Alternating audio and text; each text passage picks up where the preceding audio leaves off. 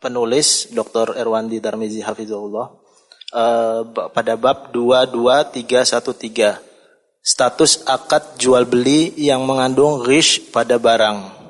Para ulama berpendapat bahwa status jual beli barang dengan cara rish dan cacat yang tidak dijelaskan oleh penjual hukumnya sah.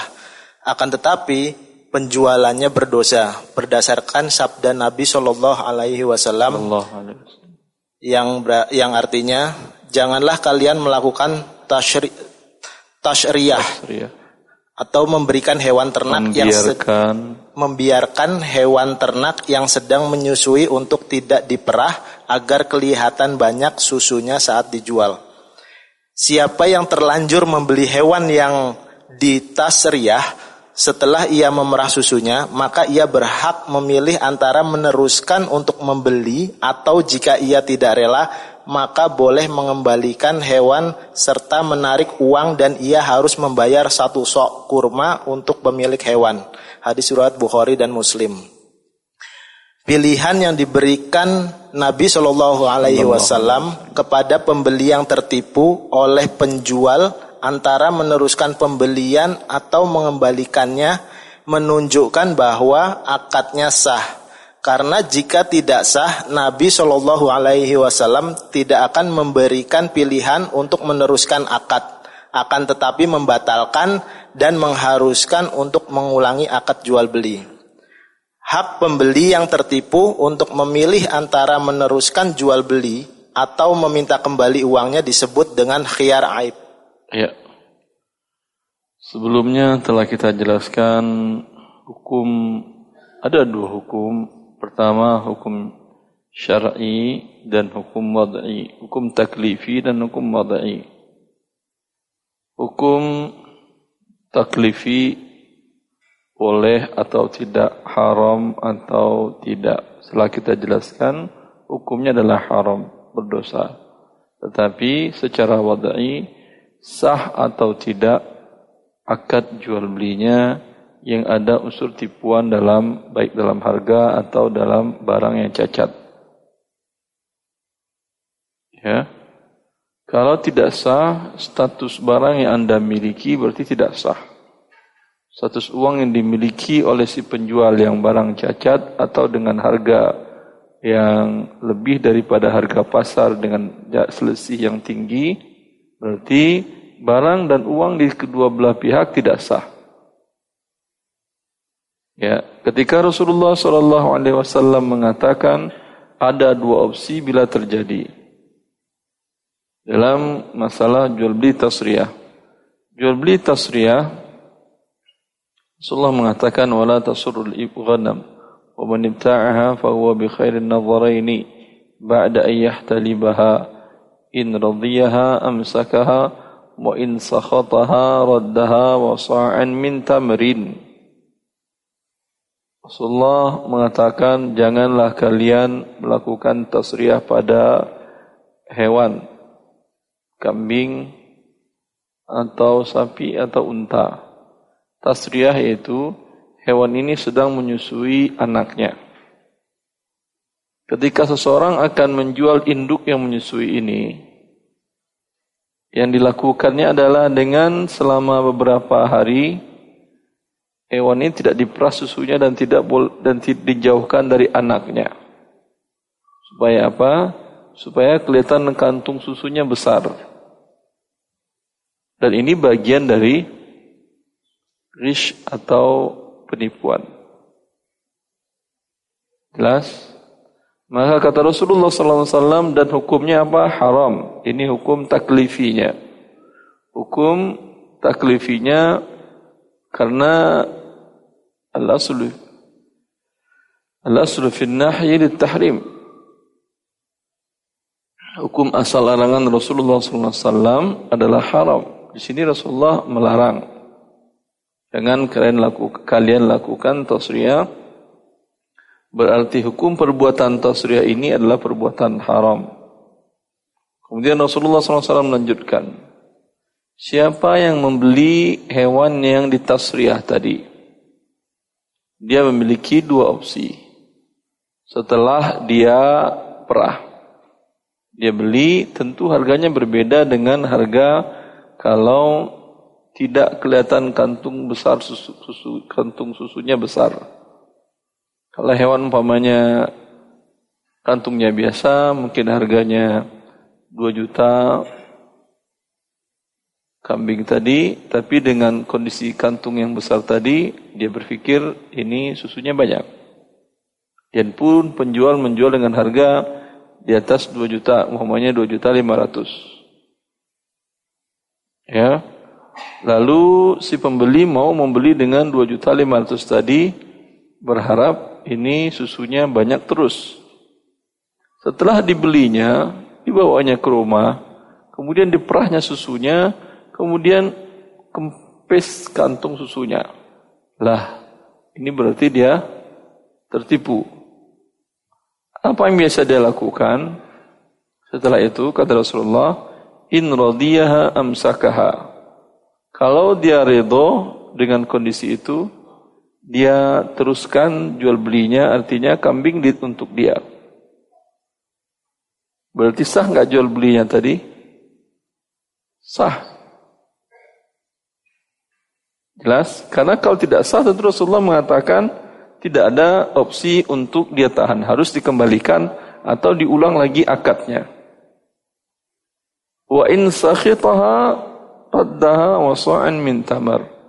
Jika dia tidak redha, kata Rasulullah, dia bisa mengembalikan kambing tadi kepada si penjual.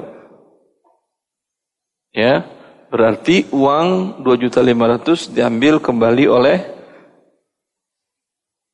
siapa? Pembeli.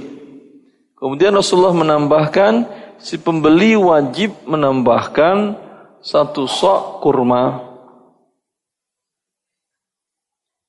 Kenapa? Imbalan susu yang diperahnya. Iya atau tidak? Berarti tidak bisa gratis susu. Berdasarkan kata Rasulullah, ada kompensasi yang harus dia bayar. Ya, uang 2 juta 500 boleh kembali. Tapi yang susu sudah diperah dibayar dengan satu sok kurma. Ya.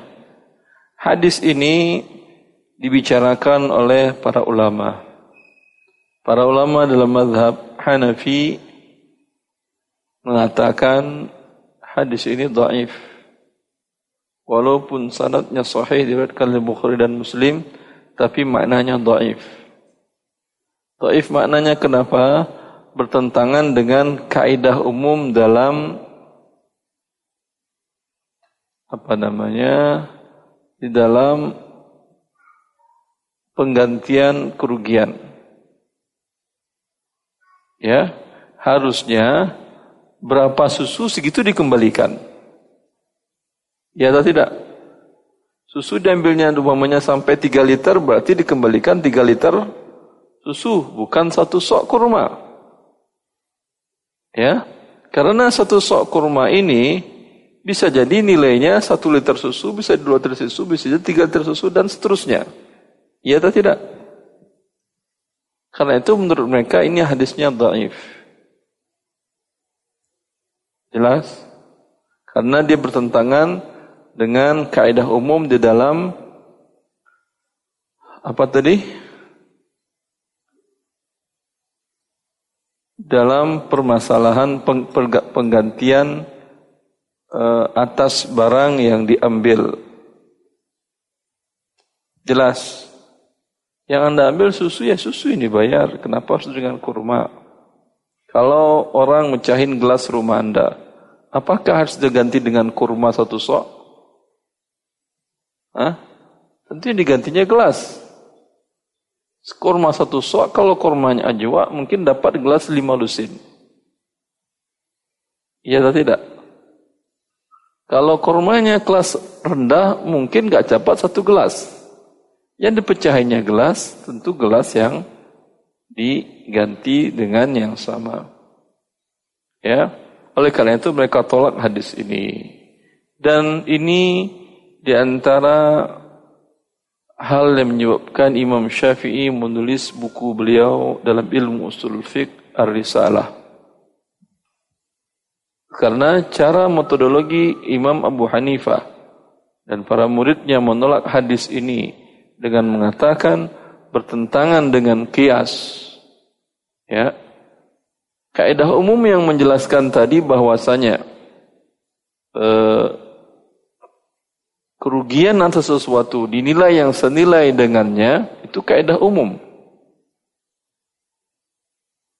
Wajaza'u sayyi'atin sayyi'atun misluha dan balasan dari sebuah kejahatan adalah kejahatan yang setim yang sama yang senilai sedangkan Rasulullah SAW di sini menetapkan satu sok kurma mungkin tidak senilai mungkin senilai ya akan tetapi Imam Syafi'i kemudian dengan permintaan para ulama-ulama dan bilang hadis. Karena dalil dari Imam Imam Abu Hanifah ini hujahnya kuat. Mereka menolak satu hadis karena bertentangan dengan kaidah umum. Untuk menetapkan suatu kaidah umum tadi, dalilnya bukan satu hadis, satu ayat. Tapi dari mengumpulkan banyak ayat dan hadis bahwa di dalam suatu tindakan eh, kesalahan tidak boleh berlebih dari kesalahan tersebut. Harus sama. Jelas? Akan tetapi maka Imam Syafi'i diminta oleh Imam Malik gurunya dan Abdurrahman bin Mahdi ulama hadis dari Yaman minta Imam Syafi'i untuk menulis membuatkan kaidah yang bisa menjawab dari problema yang dilontarkan oleh oleh oleh pengikut mazhab Abu Hanifah tadi. Oke, Imam Syafi'i mengatakan kaidah umumnya betul bahwa sebuah tindakan kesalahan dibayar diganti dengan yang sama kecuali dalam kasus ini. Paham? Karena suatu hadis yang sahih dia menjadi kaidah tersendiri. Paham? Berarti dengan demikian terjadi tidak apa namanya ta'arud atau kontradiksi? Terjadi atau tidak? Tidak. Ya. Betul bahwasanya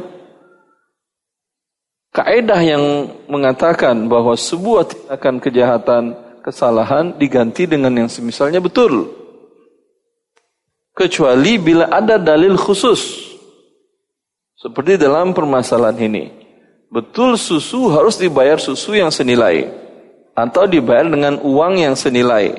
Pamannya dinilai dia ambil pamannya di perahnya sebanyak 5 liter susu. 5 liter susu sama dengan pamannya 10 dirham, bayar 10 dirham. Atau sama dengan 3 sok kurma, bayar 3 sok kurma. Ternyata susunya cuma dapat 1 liter, tentu dibayarnya cuma dua dirham atau setengah sok kurma atau sepertiga sok kurma itu yang senilai itu kaidah umum iya. Tapi dalam kasus ini tidak karena ada dalil khusus. Berarti ini mengamalkan melakukan memberlakukan semua dalil tanpa membuang satu dalil yang sahih pun dari Nabi sallallahu alaihi wasallam.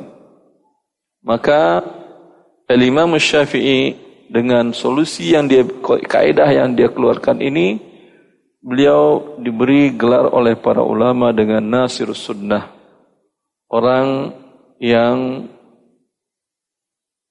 apa namanya? yang menolong sunnah Nabi sallallahu alaihi wasallam. Jelas antum itu? Karena Imam pengikut Imam Abu Hanifah Ini bukan sekedar sampai di situ saja. Kalau orang berani menolak sebuah hadis yang sahih, akan muncul nanti dengan gampang, oh ini ini hadis ini tidak bisa diberlakukan karena bertentangan dengan ini ini ini. Nanti mungkin kalau dia tadi mungkin ia dalil dengan dalil yang kuat, mungkin nanti bertentangan dengan adat kebiasaan. Masyarakat sini biasa orang uh, pada wafat hari ketiga, hari ketujuh mereka tahlilan. Ya. Ya, hadis-hadis yang melarang berkumpul-kumpul itu umpamanya ya tidak bisa dipakai karena bertentangan dengan dalil ini. Akan mudah orang menolak sebuah hadis Nabi Shallallahu Alaihi Wasallam. Jelas, seperti pernah dalam permasalahan pengetahuan umpamanya Rasulullah mengatakan, "Idza waqa'at dzubabu fi ina'i ahadikum falyaghmisha." Fa inna fi ihda jadahaihi dawa wa fil akhari shifa. Bila lalat hinggap di minuman kalian apa? Apa perintah Nabi SAW? Celupkan. Sesungguhnya di salah satu sayapnya memang membawa penyakit, di sayap yang lain membawa penawarnya. Di awal-awal orang menemukan uh, mikroskop, mereka melihat bahwa di lalat, di sayap lalat itu adalah hanya penyakit saja. Lalu kata mereka, ini hadis tertolak dengan ilmu pengetahuan. Mereka mengatakan ilmu pengetahuan pasti Sedangkan kabar Nabi ini bisa saja tidak pasti bisa tertolak walaupun sanatnya sahih. Karena di masa dahulu para ulama ada yang menolak hadis yang sahih bila maknanya tidak sahih. Paham antum itu? Seperti dalam kasus apa? Seperti dalam kasus ini. Kasus yang tadi mengganti susu dengan satu sok kurma. Itu hadisnya sahih. Sanatnya sahih, cuman maknanya tidak sahih kata mereka. Makna matanya tidak sahih. Jelas? Mereka akan jadikan pendapat ini sebagai landasan dasar untuk menolak hadis-hadis Rasulullah sallallahu alaihi wasallam tadi. Ya. Apa yang mereka katakan tadi? mengatakan bahwa uh, apa tidak benar maknanya karena bertentangan dengan ilmu pasti, ilmu pengetahuan. Ilmu pengetahuan pasti itu ya. Betulkah ilmu pengetahuan pasti? Hari ini pendapat begini dalam semua ilmu, ilmu kedokteran, ilmu alam, ilmu besok ada teori baru lagi begini. Besok ada teori lagi ilmu begini. Apa yang pasti? Ya. Ketika mikroskop lebih maju ditemukan oleh mereka, mereka menemukan memang betul di salah satu sayapnya ada antibiotik yang bisa membunuh memang seluruh bakteri-bakteri, virus-virus yang dibawa oleh sayap lalat yang lain. Dan sehingga ini menjadi bagian dari mukjizat sabda Nabi Shallallahu Alaihi Wasallam. Apa yang dikatakan Nabi itu yang pasti. Jelas ini. Maka Imam Syafi'i tadi digelar dengan Nasirus Sunnah, penolong Sunnah Nabi Shallallahu Alaihi Wasallam dengan kaidah yang beliau buat tadi. Apa kaidahnya tadi? Bila tetap dari Rasulullah telah datang hadis yang sahih dari Rasulullah SAW pasti maknanya sahih bila bertentangan dengan dalil yang lebih kuat seperti kaidah dari banyak makna Al-Quran dan hadis maka dia menjadi dalil tersendiri yang berbeda dari hukum kaidah menjadi dia pengecualian. Paham? Berarti tidak ada satu pun dalil yang harus dibuang. Yang harus ditinggalkan. Semua harus dikerjakan terus. Bab 22314 Khiar aib atau khiar tadlis hak pembeli Seorang membeli barang namun ternyata didapati barang tersebut tidak seperti yang digambarkan penjual dan pembeli tidak mengetahui sebelumnya dan juga tidak diberitahu oleh penjual maka dia berhak memilih meneruskan pembelian tanpa kompensasi apa pun dari pihak penjual sebagaimana yang disebutkan dalam hadis tasyriyah. Tasyriyah tadi tahu apa tasyriyah tadi? Yang pembatalan. Apa tasyriyah? Membiarkan kambing yang sedang menyusui untuk tidak diperah dan diambil oleh anaknya apa tidak diminum oleh anaknya agar kelihatan kantung susunya besar. besar. Dengan demikian harganya menjadi lebih tinggi ketika dijual. Ini di atas surya. Jelas ini? Ya. Poin kedua, mengembalikan barang dan menarik kembali uang yang telah dibayar sepenuhnya serta keuntungan memakai barang selama waktu hingga barang dikembalikan kepada penjual tidak perlu dibayar.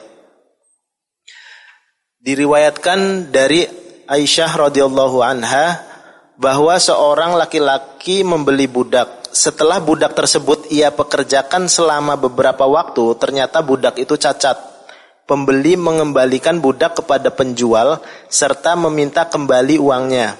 Penjual meminta biaya kompensasi selama budak digunakan oleh pembeli.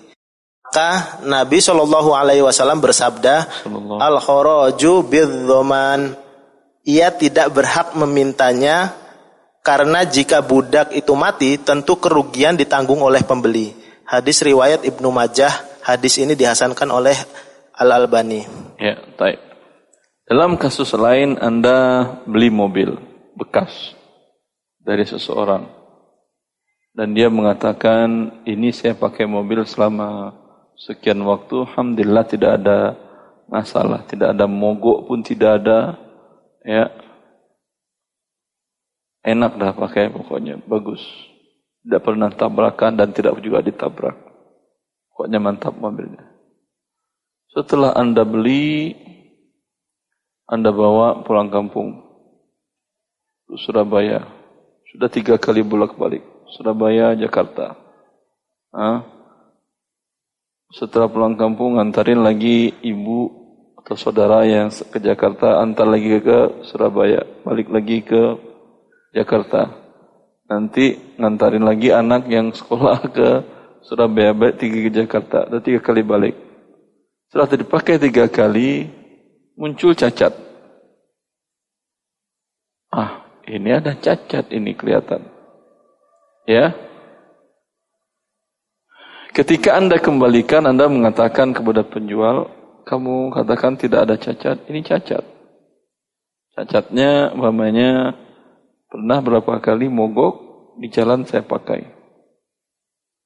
Ya, saya pakai tiga kali bolak-balik Jakarta Surabaya. Belian tadi harga 300 juta rupiah. Kata si pembeli, kembalikan uang saya, saya nggak jadi beli. Saya kembalikan 300 juta rupiah, potong dengan kilo, kilometer yang sudah Anda pakai sebanyak 6000. Berapa Jakarta Surabaya? berapa kilo? Seribu? Seribu kan ya? Kan enam kali, tiga kali pulang balik berarti enam ribu kan ya? Potong enam ribu kilometer sewanya berapa? Sewa kilo enam ribu kilometer berapa sewanya? Innova berapa sewanya? In, di sini sewa bukan pakai kilometer. Harian. Tak pakai kilometer. Kalau saya di Riyadh sewanya pakai harian plus kilometer.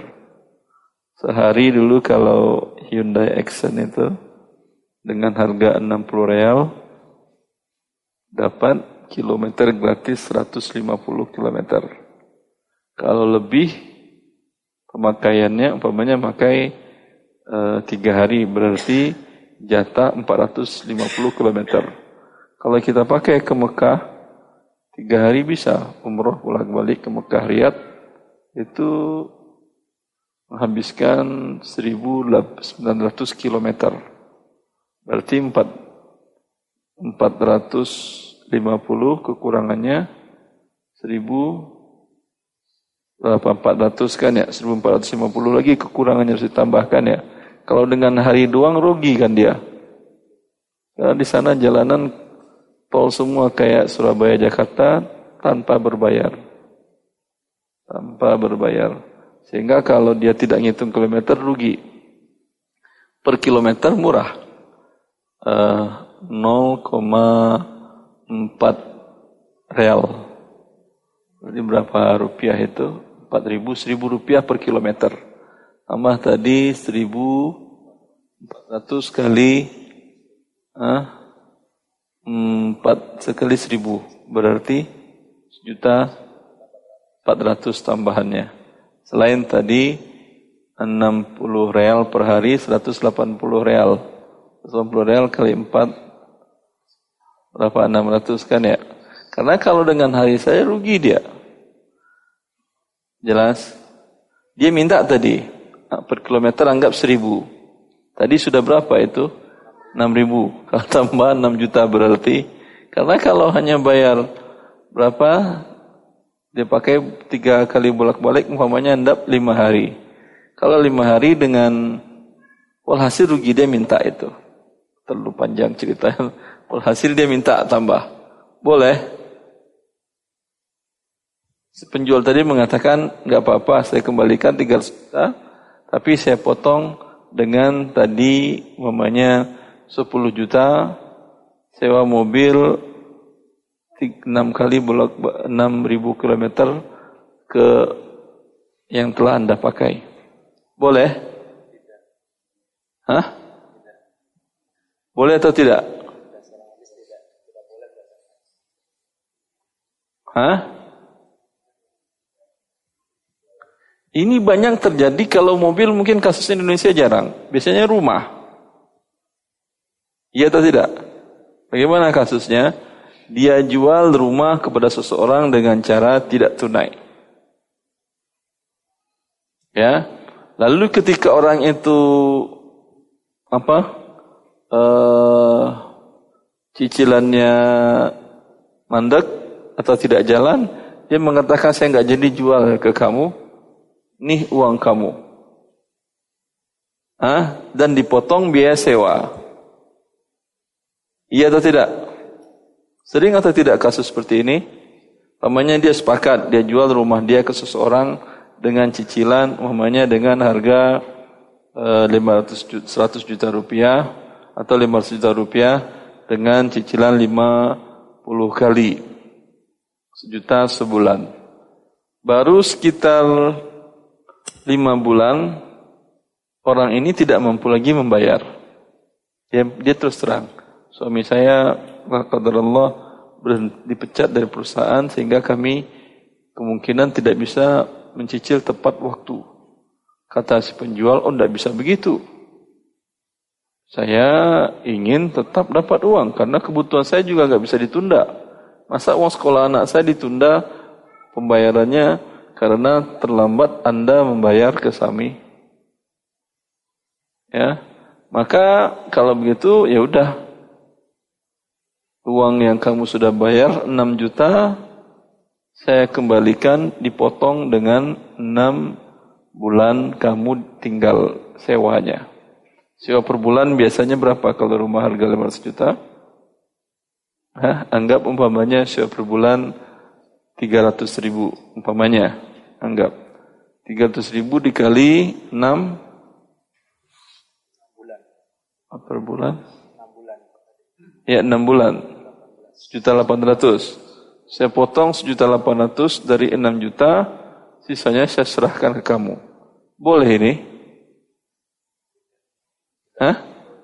Boleh enggak boleh ini kan yang terjadi? Betul ini? Betul apa salah?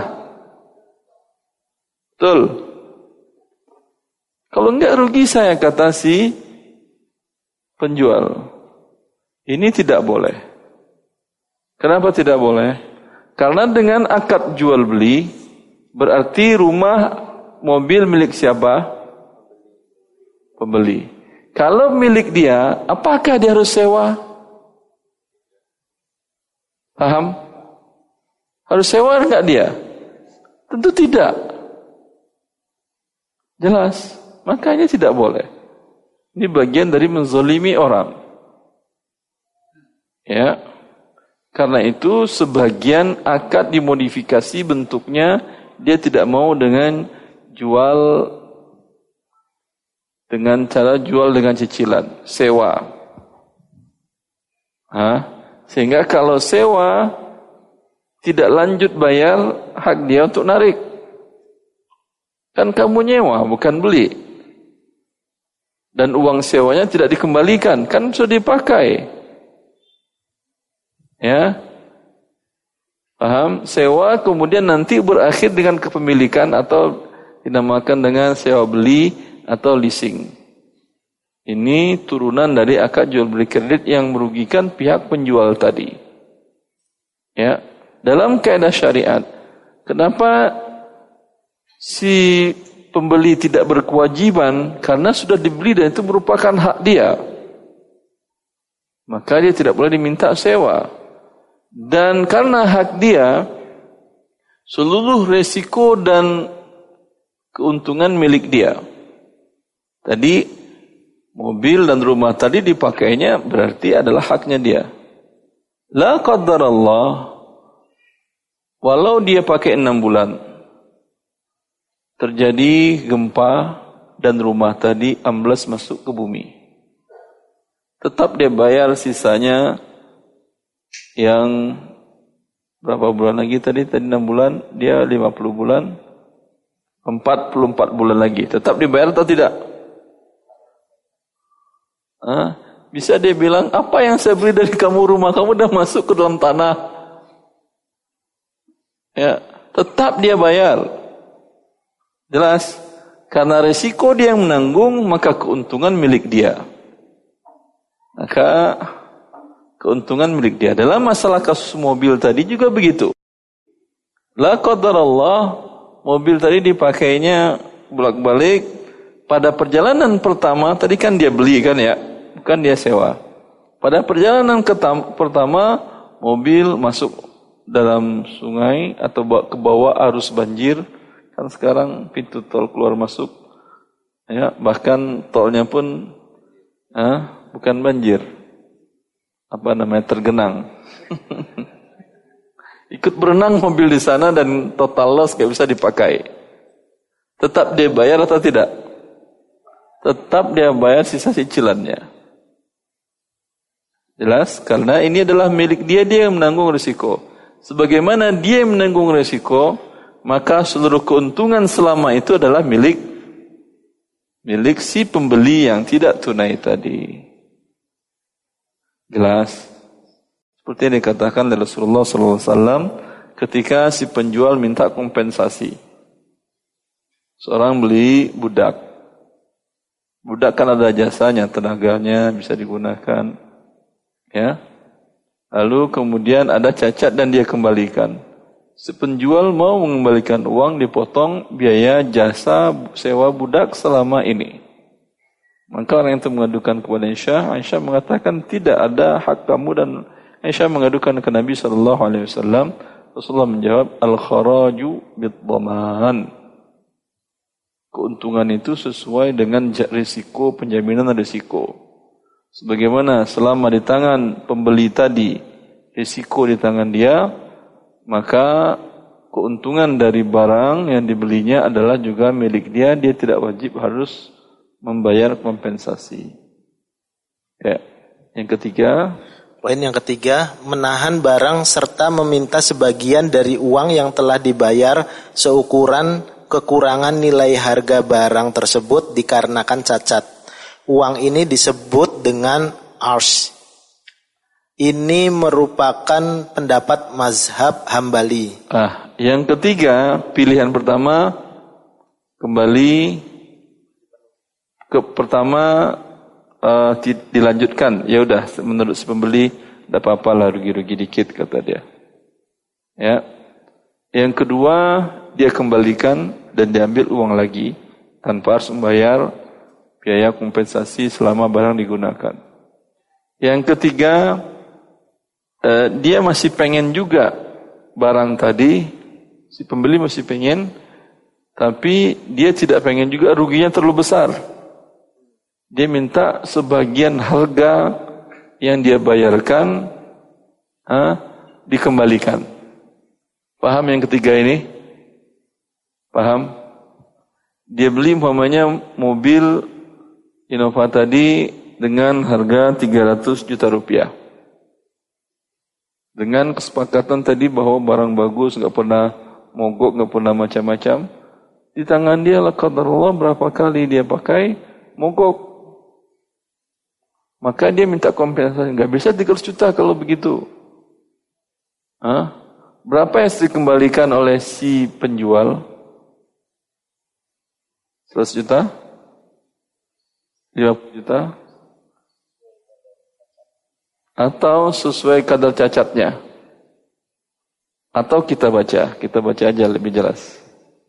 Ini madhab hambali. Kalau madhab jumhur tidak ada pilihan ketiga ini karena dalam hadis tadi tidak ada kan ya? Tidak hadis tadi cuma dua pilihan, dua opsi. Tahan tanpa kembalikan uang, kembalikan tanpa minta kompensasi. Baik. Jumhur para ulama berpendapat bahwa pilihan ketiga bukanlah hak pembeli. Karena tidak ada dalil tentang itu. Dengan demikian, jumhur mensyaratkan untuk pilihan ketiga harus ada kerelaan penjual untuk memberi kon, untuk memberikan kompensasi. Kalau menurut Hambali bisa dipaksa oleh hakim atau qadi dalam hal ini. Tapi menurut jumhur tidak. Kalau redo si penjual boleh, kalau tidak tidak. Karena dalam hadis tidak ada. Bagaimana cara menghitung arsh tadi, kompensasi tadi? Cara menghitung arsy. Cara menghitung arsy dapat Ini bukan arsh ya. Kalau arsh Ar-Rahmanu al arsh istawa. Itu pakai ain. Kalau ini pakai hamzah. Hamzah ra shin. Kalau arsh ar-Rahman wa al arsh istawa pakai ain. Ain ra shin. Jelas? Cara menghitung arsh dapat dilakukan seperti contoh berikut. A membeli mobil dengan harga 54 juta rupiah.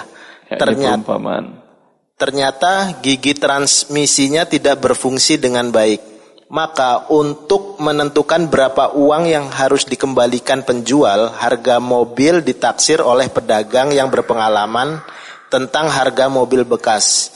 Ia menaksir mobil dengan keadaan baik, misalnya seharga 45 juta rupiah dan dalam kondisi gigi transmisi rusak seharga 40 juta rupiah.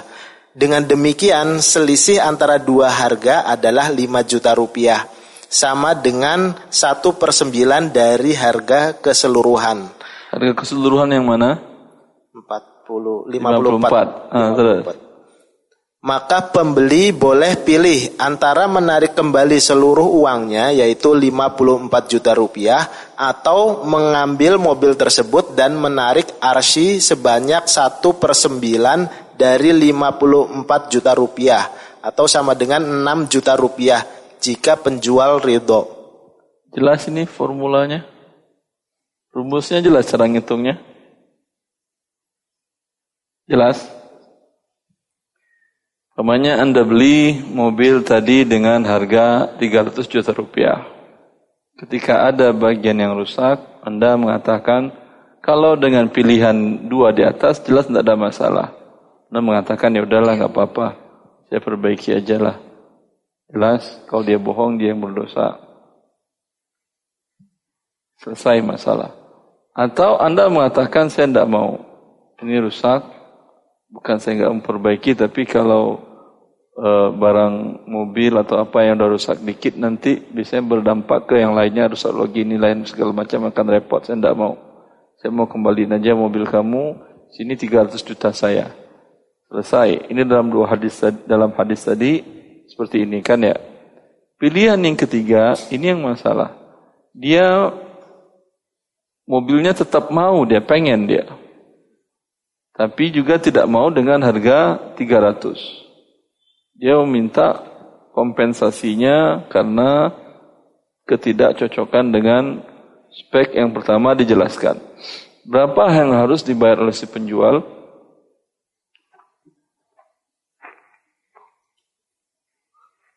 Kalau menurut jumhur para ulama, itu hak si penjual. Kalau dia redho, boleh. Paham? Berapa aja boleh. Jelas? Kalau menurut berapa aja boleh. Bisa datang dia umpamanya ke bengkel. Kau bawa ke bengkel, tanyakan ke dia. Kalau rusak berapa, umpamanya biaya uh, perbaikannya, biaya servisnya berapa, penggantian spare partnya berapa. Coba tanya ke bengkel resmi keluar angka ya udah pamannya keluar angka 30 juta saya kembalikan sisi 30 juta dari 300 tadi 300 202 juta 270 buat saya. Kamu redo pada dia bilang kepada pembeli tidak apa-apa saya redo. Jelas? Tapi dalam mazhab Hambali ini menjadi hak si pembeli. Jelas? Walau penjual tidak redho, pembeli bisa datang ke pengadilan. Ya, dia mengatakan saya beli ini rusak, tapi saya masih pengen barangnya. Kalau mau saya kembalikan juga repot lagi, saya sudah terkadang suka dengan barangnya. Atau kalau rumah udah cocok dengan tetangganya, dengan posisinya udah enak lah. Ya, saya maunya hanya ganti selisih kalau rumah umpamanya safety tanknya penuh atau apa uh, air tanahnya tidak terlalu dalam di apa sumur bornya sehingga air tidak terlalu bersih tetangga bersih bagus tidak ada tidak kotor airnya karena kedalamannya sekian ya. Saya ingin dia bayar kompensasinya. Berapa caranya? Caranya adalah dengan berapa harga beli? Tadi, mempunyai 300 juta mobil Innova tadi. Ditaksir oleh apa nama pricer namanya, penentu yang penting penilai harga. Ada kan kantor penilai kan ya, ya bayar jasanya lah. Ditaksir oleh dia, ini kalau kondisinya dalam keadaan rusak seperti ini, kalau dalam keadaan bagus, harganya biasanya sekitar 270. Lah berarti kemahalan dia beli. Ya biasa orang beli lebih mahal dikit, lebih murah dikit biasa. 270. Dalam keadaan umpamanya e, rusak seperti ini, paling harganya ah berapa kira-kira? 200 200 repot nanti ngitungnya. 250 lah ya, biar gampang ngitungnya. Berarti selisihnya berapa? 20. Ya, 20 juta, 20 juta ini berarti akankah dipotong dari 300 juta 20 juta? Tidak. Tetapi 20 juta ini berapa persen dari harga berapa tadi?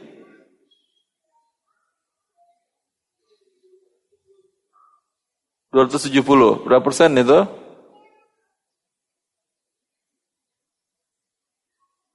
Capek antum ngitungnya.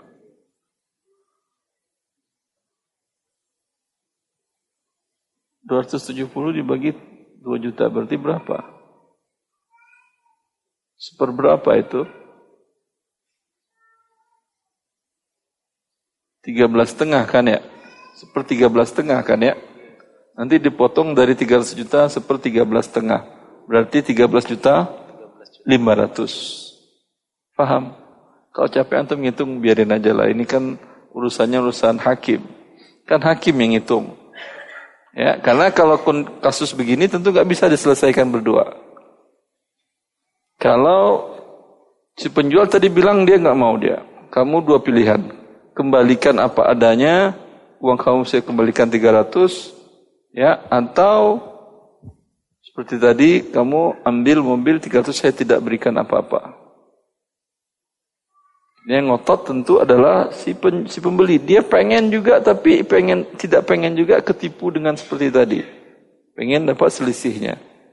Ya, tentu tidak bisa kecuali harus masuk pihak ketiga yaitu pihak pengadilan. Datanglah ke mahkamah dia. Gampang. Di Arab Saudi datang ke mahkamah itu bukan suatu hal yang menakutkan. Anda ada kasus beli aki aja ketipu umpamanya, di sana bisa ajukan ke mahkamah. Asal lewat polisi patroli Anda panggil aja, selesai urusannya. Ada teman saya orang Rusia, dia beli aki, ya, udah dipakainya, kemudian sampai ke rumah dipasangnya aki lamanya, masih bagus, dikembaliin aki yang sudah dipakai tadi ke tempat toko aki tadi. Situ kakinya nggak mau lagi. Itu kan udah bekas kamu pakai kata dia.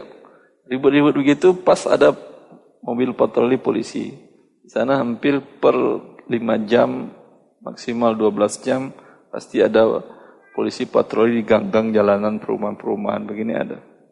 Dia panggil polisi patroli tadi, polisi datang dia cerita begini-begini. Polisi datang ke toko aki tadi. Kembaliin uang dia ambil aki kamu. Dan umumnya kalau di pasar pun ada namanya mahkamah mustajalah. Mahkamah mustajalah itu uh, mahkamah pengadilan yang sifatnya cepat, tidak terlalu panjang kasusnya. Namanya di pasar Anda beli daging kemahalan atau namanya dagingnya katanya bagus ke rumah bau ternyata itu bisa dibawa ke mahkamah mustajalah ada di pasar itu. Ada kaudinya, hakimnya standby di sana. Ya. Karena nggak mungkin yang seperti itu dibawa sampai ke mahkamah agung masalah jual beli uh, daging sekilo. Dan juga tidak mungkin hak orang dibiarkan. Kalau tidak ada mahkamah seperti ini, sehingga para pedagang dan para pembeli saling para pembeli antara pedagang saling men zolimi. Bagaimana pembeli menzolimi pedagang? Mungkin uangnya uang palsu dibayarkannya. Ya, dan terus. Wallahu alam. Terus bab 22315 sanksi untuk pedagang yang melakukan rish. Sebagian para pedagang tidak berhenti melakukan penipuan dalam berdagang dengan sekedar himbauan dan kesadaran beragama saja. Maka mengingat tindakan ini sangat merugikan konsumen yang umumnya adalah rakyat, masyarakat banyak, sebagai pengguna akhir sebuah produk atau jasa, maka dibutuhkan kebijaksanaan pemerintah setempat untuk membentuk hisbah badan pemeriksaan pasar yang bertugas memeriksa kecurangan-kecurangan yang dilakukan oleh para pedagang. Ya, paham Anda ini? Ah, ini penting ini. Tidak semua orang dipanggil sehingga Allah mengatakan yazi'u sultani ma la yazi'u bil Qur'an. Diingatkan, dibacakan Quran, firman Allah, disampaikan hadis Nabi bahwasanya haram menipu dalam berdagang, mengurangi timbangan, mengurangi takaran literan, haram, masuk neraka. Para pedagang pasar jawab, neraka itu kayak gimana sih Ustaz? Ustaz udah pernah masuk belum? Tetap aja dia yang gitu dilakukan. Ini fungsi sultan. Ini fungsi pemerintahan. Orang yang tidak mau diatur dengan Al-Quran hadis, maka pemerintahan penguasa yang mengaturnya ya yang yang masih melakukan demikian penjara atau diberikan sanksi atau dibuang makanannya atau disita barangnya. Saya masih ingat hajian di Mina itu biasa karena ada beberapa travel travel haji orang Indonesia yang di dalam orang warga negara Indonesia yang di Arab Saudi itu travel-travelnya travel-travel tidak terdaftar. Padahal di Mina itu tidak boleh memasak. Tidak boleh memasak dengan apa pun. Baik dengan listrik mungkin tidak ada colokan. Ada colokan tapi tidak boleh memasak. Apalagi baik dengan kayu ataupun dengan gas. Ya, karena berbahaya tenda-tenda dan apa perlengkapan jamaah haji. beberapa travel Indonesia itu tidak kuat kalau dia harus yang lain itu pas makanannya dari Mekah dari yang terdekat di sana dimasaknya di dapur umumnya kemudian didistribusikan ke tenda-tenda. Masalahnya bukan masalah masaknya, masalahnya pendistribusinya lebih mahal daripada harga masaknya. Karena jalanan macet. Ya. Maka travel-travel kecil tadi yang perizinannya banyak yang tidak resmi, mereka masak di tenda-tenda itu. Biasanya kalau ada sidak dari pihak baladia itu mereka masukkan mereka mereka lihat apa yang dekat situ namanya masak gulai. Ah, untuk para jamaah yang di tenda dia yang di tenda travel ini. Itu kan terlarang kan ya atau lagi masak nasi di di dandang atau di priuk. Diambilnya dari rinso apa yang ada aja dimasuk dimasukin ke gulai tadi dimasukin ke nasi tadi Ya. Begitu sanksi yang mereka berikan. Terus. Seperti kecurangan timbangan, barang cacat, barang tiruan, barang yang telah kadaluarsa, makanan olahan bercampur zat berbahaya, dan lain-lainnya serta menjatuhkan sanksi kepada para pedagang yang tidak patuh. Hal ini telah dicontohkan oleh Rasulullah Shallallahu Alaihi Wasallam dengan melakukan pemeriksaan di pasar Madinah. Suatu hari beliau melakukan pemeriksaan di pasar dan ternyata mendapati seorang pedagang yang curang, menyembunyikan gandum yang rusak di tumpukan bawah. Maka beliau mengatakan kata-kata celaan, orang yang menipu bukan golonganku. Ya, kata ini kalau mengucapkan Nabi sanksi dalam bentuk apa ini imateri ya, lebih berat mungkin kalau disuruh daripada suruh bayar. Allah mengatakan orang yang begini bukan golonganku. Ya, ini sanksi yang diberikan oleh Rasulullah Shallallahu Alaihi Wasallam. Terus tuntunan Nabi Shallallahu Alaihi Wasallam ini diikuti oleh para khalifah setelah beliau.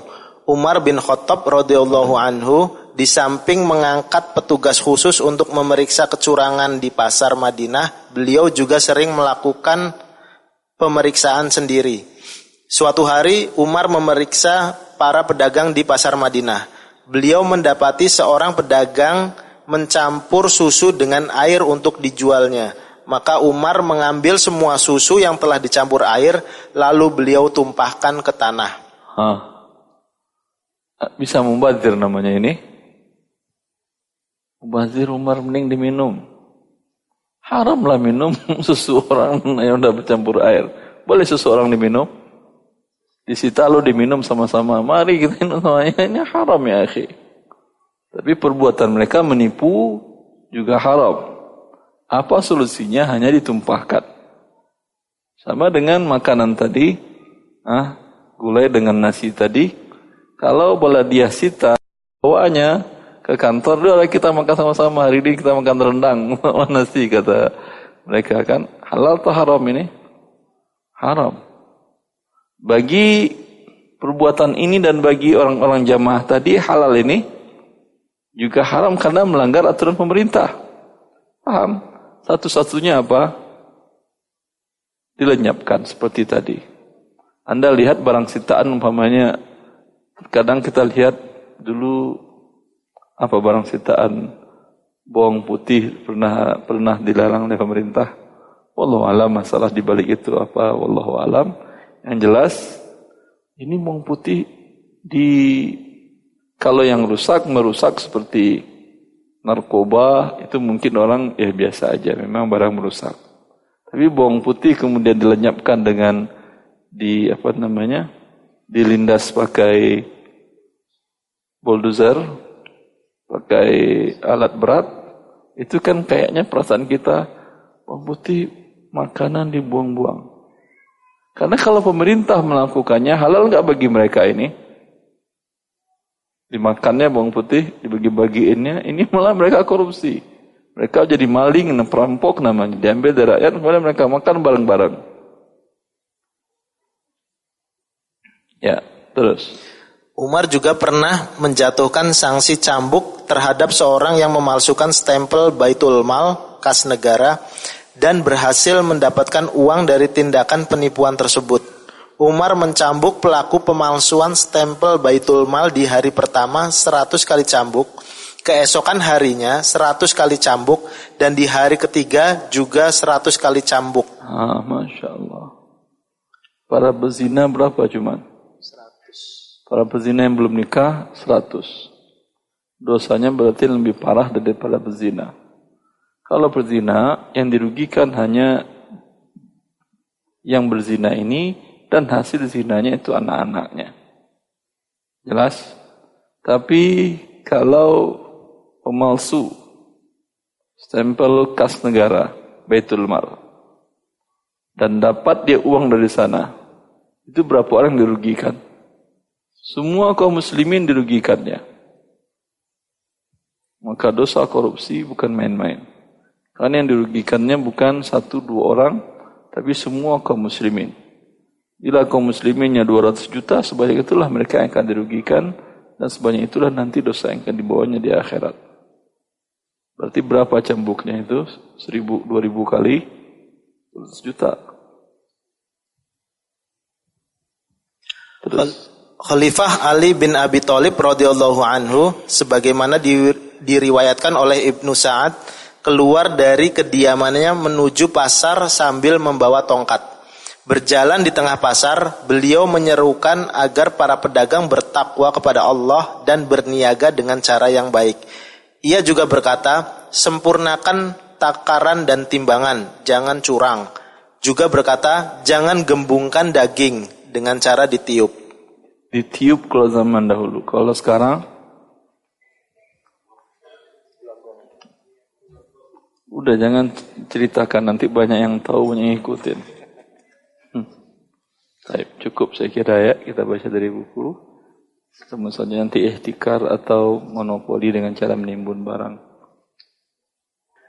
Cukup ya, semoga bermanfaat. Subhanakallah bihamdika asyhadu an la ilaha Assalamualaikum warahmatullahi wabarakatuh. Assalamualaikum warahmatullahi wabarakatuh. الحمد لله رب العالمين ونصلي ونسلم على المبعوث رحمة للعالمين. أشهد أن لا إله إلا الله إله الأولين والآخرين وقيوم السماوات والأرضين. وأشهد أن محمدا عبده ورسوله وصفيه ومجتباه وآله وصحبه اجمعين وبعد اخواني واخواتي في الله Insyaallah kita melanjutkan pembahasan dari buku Harta Haram Kontemporer setelah kita menjelaskan beberapa bentuk kezaliman yang terjadi dalam transaksi muamalat yang dampaknya kepada perorangan sekarang kita masuk kepada kezaliman yang terjadi terhadap orang banyak.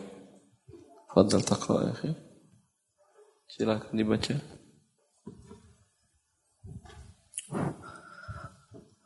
Assalamualaikum warahmatullahi wabarakatuh. Assalamualaikum warahmatullahi wabarakatuh. Bismillahirrahmanirrahim. Barakallahu fikum Ustaz. Kami berdoa semoga Allah memberikan keberkahan kepada kita semua penulis, pembaca dan pendengar buku ini. Amin ya rabbal alamin. Kezaliman terhadap orang banyak sebenarnya eh, apa pun muamalat yang melanggar syariat pasti akan berdampak kezaliman terhadap masyarakat banyak baik secara langsung maupun tidak langsung. Ya, ini sebuah keyakinan. Kezaliman adalah sebuah dosa. Bila dosa dilakukan manusia, tentu murka Allah akan turun. Bila murka Allah akan turun, tidak pandang bulu murka itu menimpa pribadi, tapi menimpa semuanya.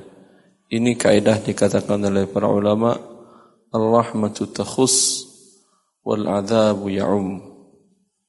Kalau rahmat itu Allah turunkan kepada orang yang dia kehendaki perorangan sifatnya. Bisa jadi satu satu rumah tangga. Ada suami, istri, anak-anak, ada orang tua, ada mertua. Bisa jadi rahmat hanya turun untuk si suami saja, bisa jadi hanya untuk istri saja, bisa jadi hanya untuk mertua laki-laki saja, bisa jadi hanya untuk anak saja. Tergantung penyebab asbab dari turunnya rahmat tersebut. Tetapi kalau azab turun banjir yang kena bukan hanya anak saja, kakek saja, tapi semua dalam rumah itu dan rumah yang lain yang di sekitar situ. Pada dasarnya setiap kezaliman, apalagi kezaliman dalam muamalat, ini akan mendatangkan kerusakan bagi alam semesta bahkan Mungkin yang berbuat riba hanya individu saja. Tapi musibahnya akan menimpa seluruh orang yang ada di negeri tersebut. Rasulullah mengatakan, "Iza zahara zina wal riba faqad ahallu bi'adzabin min Allah." Bila zina dan riba mengejala di sebuah negeri, maka berarti negeri itu meminta kepada Allah agar diturunkan azab. Ya. Akan tetapi pembahasan ini dimaksud untuk menjelaskan kezaliman dalam muamalat yang berdampak langsung terhadap masyarakat banyak. Berikut ini beberapa bentuk muamalat yang menzalimi orang banyak. GCC curang dalam berdagang. Gish curang dalam berdagang. Yang dimaksud dengan gizi adalah penjual. Gish. Rish. Rish adalah penjual penampilan. Shimnya syiddah. Rish. Rish ah, adalah penjual penampilan uh, penampil menampilkan barang yang tidak sesuai dengan hakikatnya atau ia menyembunyikan cacat barang. Jika pembeli mengetahui hakikat barang sesungguhnya, ia tidak akan membeli barang dengan harga yang diinginkan penjual. Ya, itu dia rish. Gish penjual menampilkan barang tidak sesuai dengan hakikatnya. Ya. Atau ia menyembunyikan cacat barang. Yang tentu kalau kelihatan ketahuan oleh si penjual, dia tidak akan mau membeli barang itu dengan harga yang ditawarkan. Itu dia gish. Ya. Barang yang ada expire-nya baru bikin hari ini eh, tapi expire-nya nanti malam. Pagi dibikin expire nanti malam. Siang atau sore orang yang beli dia harus menyampaikan ini expire-nya malam kira-kira sekian jam lagi. Barang yang expire-nya tinggal 2-3 hari walaupun dia masih layak dikonsumsi hari ini tapi tentu berbeda kebutuhan orang kemungkinan bukan bukan dimakan hari ini atau besok. Dia harus sampaikan, lihat bang tanggal expirednya itu kemungkinan expired dua atau tiga hari lagi. Kalau yang masih expired lama, barang yang sama mungkin bisa seminggu atau dua minggu lagi itu barang di tempat yang sana. Harus dia pisahkan dan dia jelaskan ini. Ya, kalau tidak termasuk dia curang. Kalau dia gabungkan barang yang sama ini expire satu hari, ini dua hari, tiga hari, empat hari, dicampurkan, diaduk oleh dia. Dan terkadang bahkan yang ditaruhnya di depan adalah expire yang masih lama. Orang mengambil lima item dari barang tersebut, dia berharap masih expire lima hari lagi. Ternyata setelah dibawa ke rumah, ada yang expire sehari dua hari lagi. Ini tentu merupakan bagian dari gish, menipu.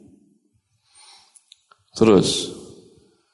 Dari de definisi di atas jelas bahwa penjual menggunakan ghish untuk meraup untung yang lebih besar dari harga bi biasa dengan cara berbohong seperti penjual mobil bekas memoles sedemikian rupa mobilnya sehingga pembeli tidak menyangka bahwa mobil itu bekas tabrakan atau penjual diam tidak mengungkapkan cacat yang terdapat pada mobilnya atau mobilnya memang dalam keadaan bagus akan tetapi dijual dengan harga jauh melebihi harga e, pasar dikarenakan pembeli tidak tahu harga dan tidak pandai menawar.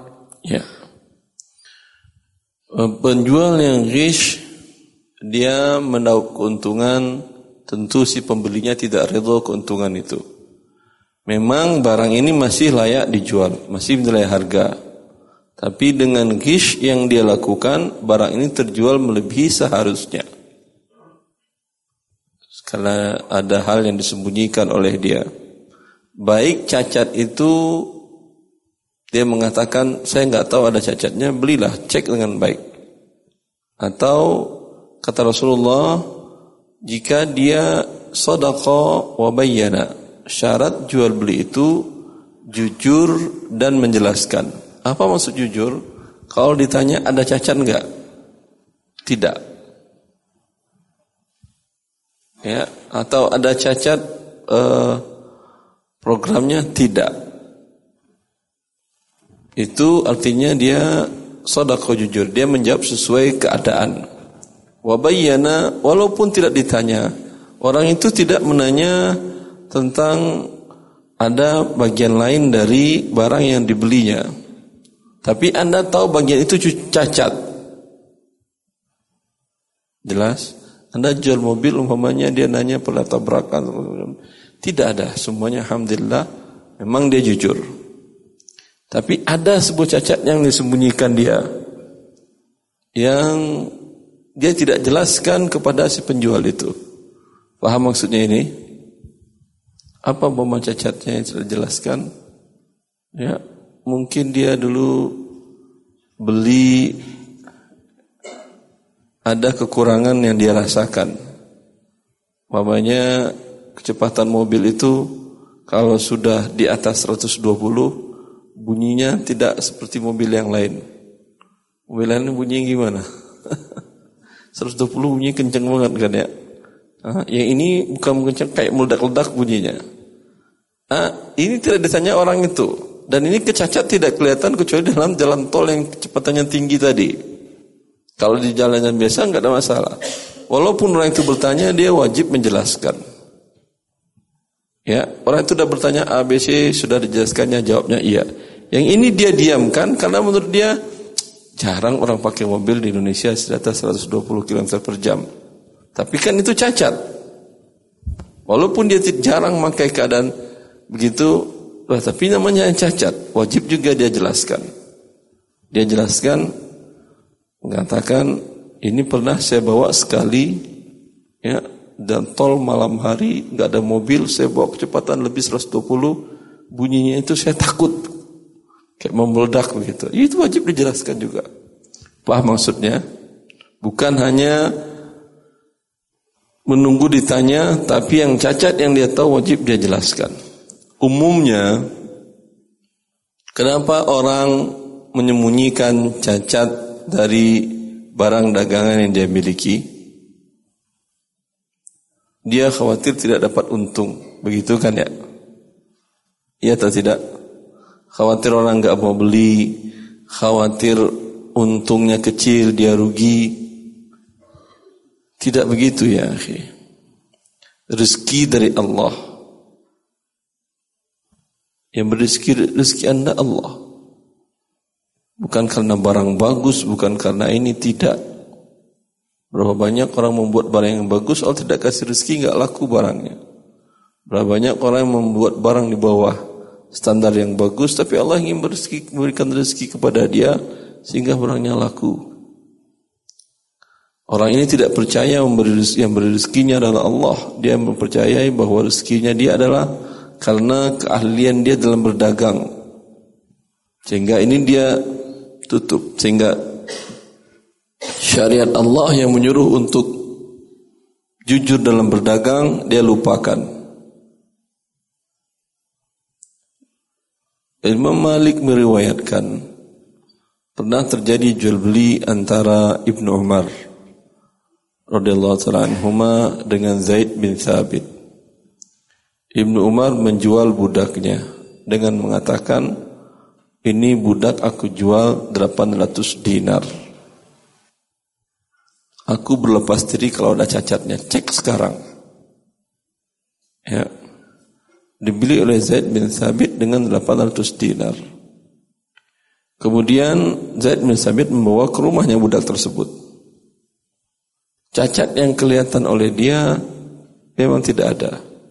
Tapi muncul cacat bagian dalam tubuh, umpamanya ada bagian dalam tubuhnya ada penyakit gatal. Maka Zaid bin Thabit mengatakan kepada kepada Ibnu Umar, barang yang kau jual cacat. Kalaulah kau jelaskan dari awal, nilainya tentu tidak seperti itu. Mungkin bisa jadi 600 dinar. Ya. Lalu Ibnu Umar mengatakan tidak. Aku kan dari awal sudah mengatakan kepadamu, aku jual bebas dari cacatnya, aku tidak tanggung jawab. Setahu ku cacat sudah aku jelaskan. Yang lain aku berlepas diri kalau nanti ada cacatnya. Lalu mereka datang kepada Asman bin Affan khalifah di waktu itu untuk menyelesaikan sengketa ini. Maka Utsman meminta Abdullah bin Umar at-tahlif bersumpah atas nama Allah bahwa engkau menjualnya tidak dalam keadaan cacat.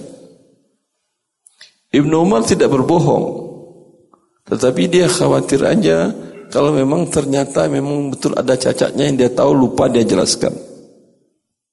Tentu akan berdampak murka Allah kepada dia karena dia pakai sumpah nama Allah untuk merampas hak orang.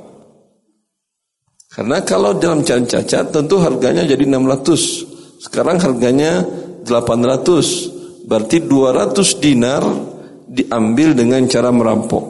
Pakai nama Allah. Ibn Umar tidak berani. Kata Ibn Umar tidak. Kata Utsman kembalikan uang dia 800. Dikembalikan oleh Ibn Umar 800 dinar dan diambilnya budak itu. Lalu Ibnu Umar menjual budak itu terang-terangan menyatakan kepada orang-orang pembeli, ini ada cacatnya ini ini yang ditemukan baru ditemukan. Silahkan kalian beli. Dia jual, terjual dengan harga 1.500 dinar.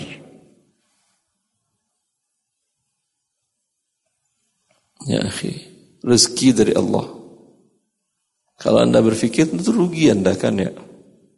Tadi sudah untung 200 dinar, ini sekarang dikembaliin lagi uangnya, barang diambil lagi dan sudah ketahuan barang cacat, tentu akan sesak jiwa rasanya. Belum lagi dituduh sebagai penipu, tapi rezeki dari Allah. Maka orang yang mengagungkan Allah Azza wa Jal, bagi Allah memberi dia 800 700 dinar dengan menyampaikan cacatnya sangat mudah bagi Allah. Dalam kehidupan banyak seperti ini. Ada beberapa ikhwan yang dia masuk pekerjaan tersebut dengan dulu dengan cara tidak jujur. Mungkin dia ikut tes resmi segala macam, tapi karena ada orang dalam yang minta fee segala macam dia kasih, dia merasa sekarang dia bertobat ini bagian dari riswah. Dia bertanya kepada saya, apa persyaratan taubatnya Ustaz? Persyaratan taubatnya harus Anda sampaikan kepada user Anda, pengguna Anda bahwa Anda masuk dulu dengan keadaan begini, ada riswahnya. Siap Ustaz. Umumnya orang kalau dia ingin berterus terang dia takut nanti kalau ketahuan dia akan dipecat, nggak punya pekerjaan lagi, nggak punya pemasukan lagi, hilang rezekinya. Begitu kan ya? Logika manusia begitu kan ya? Itu memang dibisikkan syaitan. Siap Ustaz, saya insya Allah melakukannya. Dia sampaikan terus terang kepada owner and usernya dia dan usernya menjawab nggak apa-apa yang penting bagi kami adalah kecakapan kau bekerja dan itu sudah kami rasakan dan dampak dari kejujurannya malah kemudian posisinya jabatannya dinaikkan. Karena orang jujur itu itu yang paling penting dalam bekerjaan. Ya. Banyak teman-teman yang sudah ngaji di beberapa BUMN yang penting itu diangkat di posisi-posisi penting. Ada beberapa ikhwan bercerita di Pertamina Pusat itu yang megang bagian marketing, bagian yang basah itu ikhwan-ikhwan yang sudah ngaji jenggotnya panjang bukan berarti apa dirutnya itu sudah ngaji tidak. Yang diinginkan dirutnya itu agar kursinya ini enggak goyang. Karena kalau bawahannya ini gampang disogok, gampang diriswah, gampang menerima gratifikasi, bermasalah nanti yang goyang kan kursi dirutnya. Dia dipanggil oleh KPK penjara nanti kan dia. Ya. Masalah Artinya orang dunia pun mengejar dunia pun tahu dia bagaimana cara mengejar dunia. Yaitu dengan mencari orang-orang yang jujur. Anda berlaku jujur dalam setiap transaksi Anda.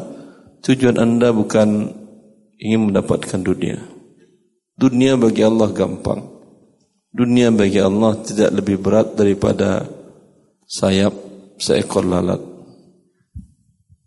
Jangan itu yang kita kejar. Kita kejar adalah keriduan Allah Azza wa Jal. Taib. Terus. Dan bentuk lain dari ghish adalah mengurangi timbangan dan takaran dengan tujuan ia mendapat keuntungan dari selisih barang yang ditimbang dengan benar. Ya, ini musibah yang lebih parah lagi. Yaitu mencurangi timbangan.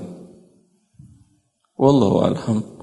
Saya beberapa teman bercerita, saya mempelajari Ustaz, saya membuka bisnis SPBU, saya pelajari beberapa SPBU, belum saya temukan dari banyak pencarian saya SPBU yang literannya pas. Beli seliter, memang keluar seliter. Saya belum temukan. Ini musibah nih, ikhwan. Ini musibah besar.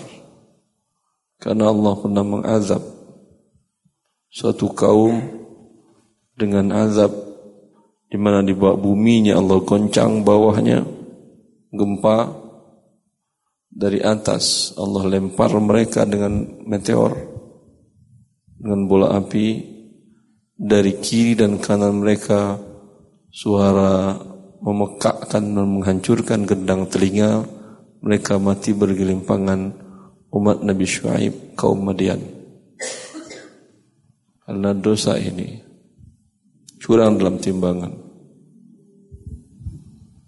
Kalau banyak alasan para kaum muslimin yang bisnis dalam SPBU tadi mereka mengatakan harga BBM itu kan sudah dipatok oleh negara Ustaz. Kalau kita jual seperti itu, kita nggak dapat untung. Ya, itu bukan alasan. Kalau anda nggak dapat untung, ngapain anda jual itu? Kata mereka, untuk dapat untung caranya harus dikurangi literannya. Ini musibah lebih besar dengan anda mengurangi literan tadi.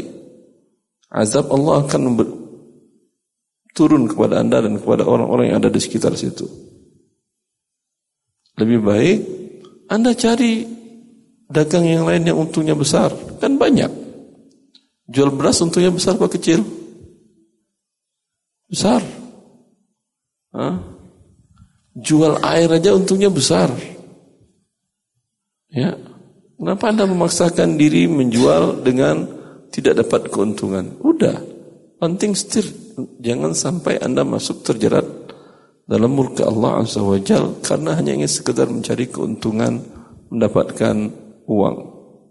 Banyak orang mendapatkan harta yang berlimpah ruah tapi dengan keridhaan Allah. Ya. Yang sering saya sampaikan kakak beradik tiga orang Abdullah, Sulaiman dan Saleh anak dari bapak Abdul Aziz Ar-Rajihi. Mereka bertiga bikin bank Islam pertama di Saudi Arabia tahun 1957. Per hari ini kapital asetnya sudah 90 miliar dolar US. 90 miliar dolar US punya tiga kakak beradik. Ya, mereka dapat pahala membesarkan syariat Allah, mendapat keuntungan yang sangat besar sekali. Itu lebih besar daripada aset bank syariah ngumpul seluruhnya di Indonesia. Ngumpul BSM, BNI Syariah, bank muamalat, seluruh syariah kumpul semuanya, kapital asetnya cuma 24 miliar dolar US. Sepertiga. Punya tiga orang. Apalagi kalau yang Anda bikin tiga orang bank lagi, bikin tiga orang bank lagi. Hah? Tapi diberkahi oleh Allah Azza wa Jal. Sesuai memang betul syariat dengan syariat Allah. Ya. Kenapa harus Anda paksakan diri Anda untuk mendapatkan rezeki sedangkan Allah memberkahi Anda dengan cara tadi dan rezekinya dapatnya kecil lagi. Kenapa Anda tidak cari di rezeki yang banyak, Allah meridhoinya. Banyak kesempatan untuk mencari rezeki Allah yang luas dan Allah meridhoinya. Terus. Pedagang muslim wajib jujur, tidak boleh curang. Seorang pedagang muslim dapat meraih derajat yang tinggi bersama para nabi di akhirat kelak dan mendapat keber keberkahan hidup di dunia dalam hartanya. Ia dapat meraihnya melalui profesinya sebagai pedagang. Hal itu dicapainya dengan bersikap jujur, tidak menaikkan harta harga terlalu tinggi dan tidak menyembunyikan cacat barang yang ia ketahui kepada calon pembeli. Rasulullah Shallallahu Alaihi Wasallam bersabda, para pedagang yang jujur lagi dapat dipercaya akan bersama para nabi, sodikin dan orang-orang yang mati syahid. Iya, bukan nabi sodikin, para nabi, koma sedikin. Nabi sodikin saya belum tahu ada nabi nama sodikin. yang ada mungkin jamaah Betul Rahimah. Lihat ikhwani fillah. Anda berdagang, mendapatkan rupiah, mendapatkan harta yang banyak. Tapi bila Anda memegang prinsip kejujuran dan amanah tadi, selain Anda mendapatkan dunia yang banyak, posisi Anda adalah sama derajatnya dengan para nabi ini. Para siddiqin, para orang-orang jujur seperti Abu Bakar radhiyallahu anhu dan sama dengan orang yang mati syahid. Mati syahid sakit pasti mau mati namanya mati kan ya. Takut orang pergi perang berjihad karena kemungkinan nyawanya hilang. Kalau berdagang orang semangat karena dapat uang, dapat keuntungan. Tetapi kalau Anda berdagang dengan penuh prinsip dipegang, jujur dan amanah, posisi Anda sama dengan orang yang berjihad tadi di akhirat nanti. Allah juga mengatakan wa akharina yadribuna fil ardi yabtaguna min fadlillah wa akharuna yadri wa akharuna yuqatiluna fi sabilillah faqra'u ma tayassara min al-Qur'an. Kata Allah Azza wa Jalla Sebagian manusia melakukan perjalanan di muka bumi mencari rezeki Allah. Artinya berdagang. Beli barang di kota A, jual kota B, beli di kota B, jual kota C, beli di kota C, jual kota A lagi. Sebagian lagi kata Allah setelah ayat ini, sebagian lagi mereka berjalan di muka bumi untuk berjihad fi sabilillah. Dua-duanya sama-sama bepergian tapi Allah lebih dulu kan menyebutkan orang yang berpergian mencari rezeki daripada berjihad fi sabilillah. Dua-duanya sangat mulia. Tetapi para pedagang membawa barang dari satu ke satu kota yang lain, mereka membawa kehidupan. Kalau tidak ada pemasok ke kota Anda, bisa Anda hidup. Tidak ada pemasok beras ke Jakarta. Pedagang luar Jakarta mereka boykot semuanya tidak ada mau mereka bawa beras ke Jakarta sekitarnya. Bisa orang Jakarta hidup? Bisa? Tidak. Hah? Tidak ada yang masuk cabai ke Jakarta. Bisa orang Jakarta hidup?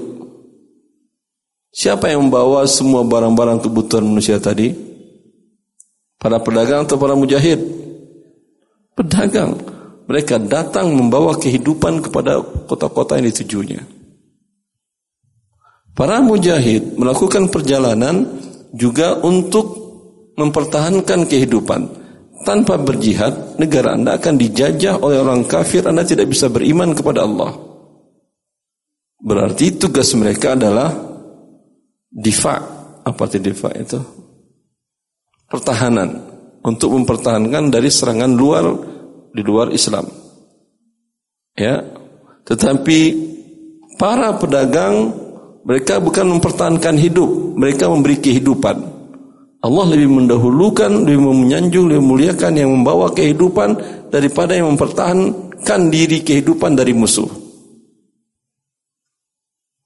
Walau dalam pengorbanannya orang-orang yang mujahid ini takut orang berjihad karena nyawanya akan hilang. Orang akan senang berdagang karena dia dapat keuntungan tetapi tentu dengan prinsip yang sesuai dengan dikatakan oleh Allah tadi. Selain dia dapatkan dunia yang halal, dia membawa kehidupan kepada manusia. Pedagang apa aja lah. Yang berguna tentunya bagi kebutuhan manusia yang halal. Ada dagang buku agama. Berarti membawa ilmu kepada masyarakat di tempat tersebut. Hah? Anda berdagang handphone. Berarti membawa kebaikan orang bisa menghubungi saudaranya, orang tuanya, bisa melihat ceramah yang berguna melalui melalui ini. Anda jadi kameramen merekam kajian ini, membawa syariat Allah ke rumah-rumah orang, ke dalam handphone-handphone orang di mana pun dia berada, bisa dia mengetahui syariat Allah Azza wa Ini di sisi Allah besar nilainya bagi orang-orang yang melakukan perbuatan seperti ini. Terus akhi.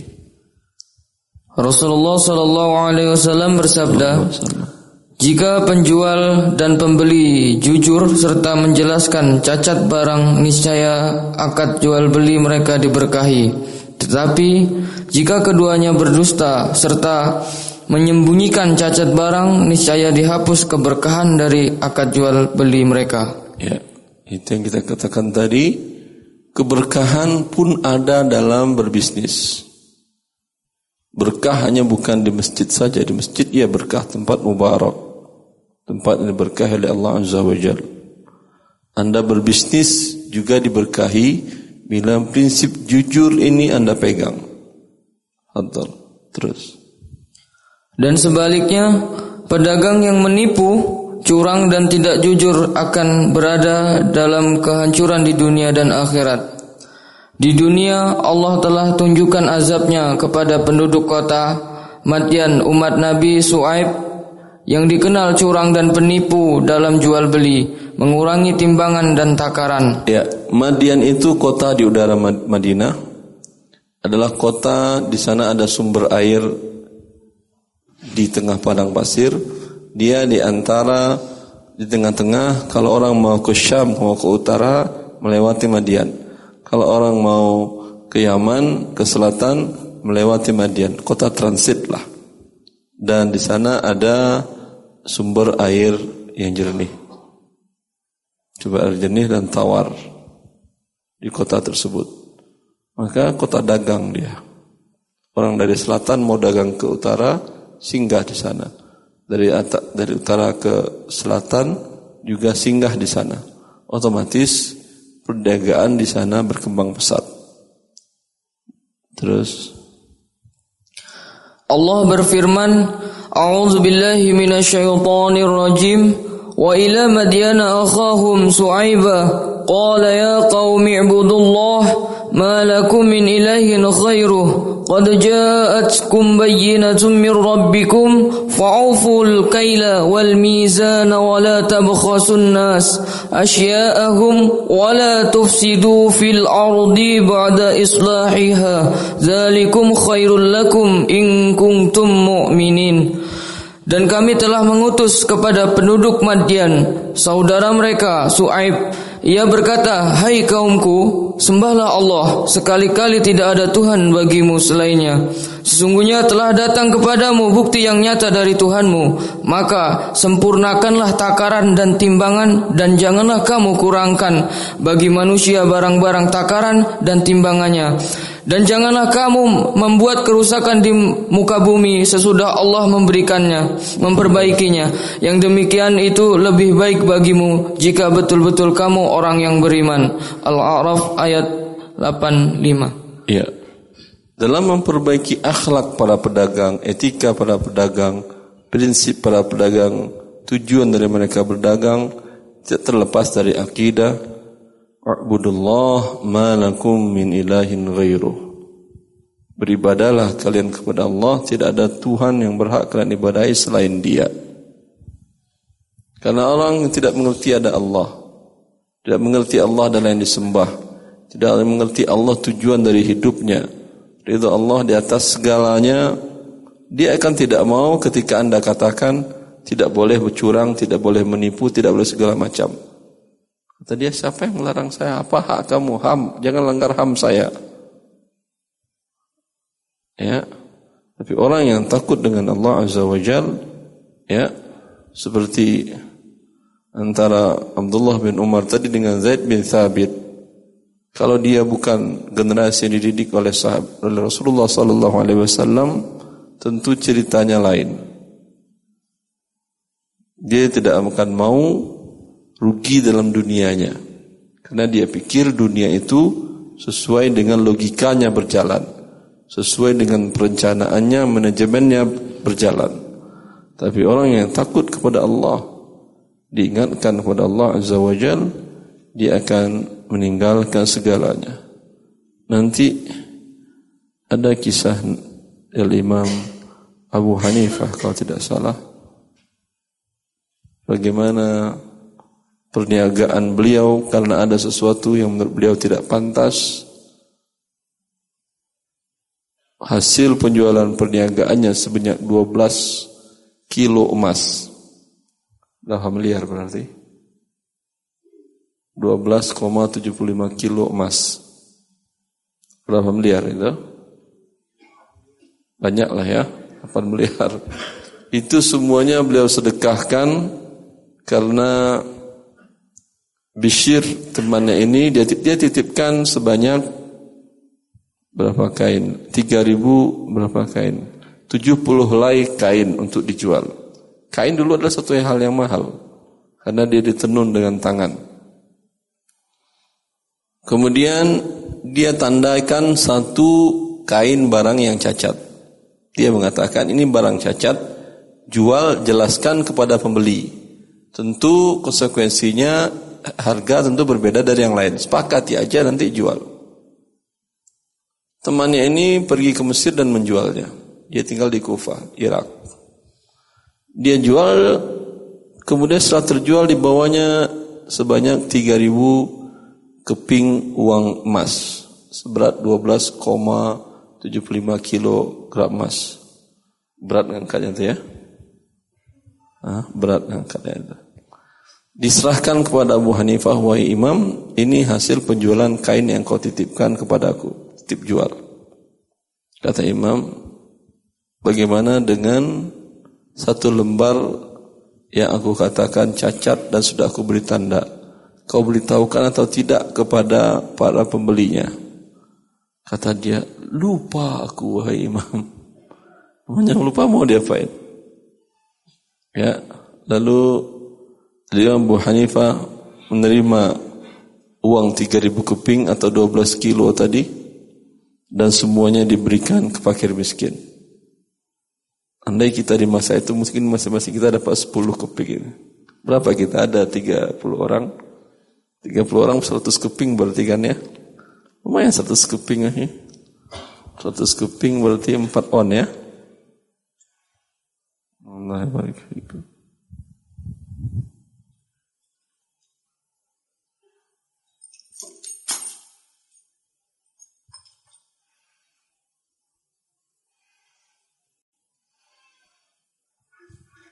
Ya, terima kasih. Ini begini aja lah. Ntar kalau ini capek begini. Sama juga. Hah? Walhasil yang saya maksudkan adalah beliau daripada mendapatkan berapa keping emas masuk bercampur dalam 3000 keping tadi yang merusak kehalalan 3000 keping lebih baik semuanya beliau berikan kepada para fakir miskin. Berlepas diri dia kepada Allah atas perbuatan temannya ini. Habis itu bangkrut usahanya. Hah? Enggak ya, jangan pikir orang kalau taat kepada Allah kemudian jadi bangkrut. Utsman bin Affan radhiyallahu taala anhu beberapa kali dia membantu menghabiskan hartanya, habis hartanya untuk berjihad fi sabilillah. Tidak habis hartanya, malah diperbanyak oleh Allah Azza wa Jalla. Karena ini janji dari Rasulullah wasallam yang tidak keluar dari mulutnya kecuali hakikat kebenaran mana kasat sadaqatun min mal bahwa sedekah tidak akan mengurangi harta Anda tapi sedekah bala Wa yurbis sadaqat kata Allah sedekah akan menambah harta anda dan memang itu yang terjadi. Terus Terus akhi. Allah berfirman, A'udzu billahi minasyaitonir rajim.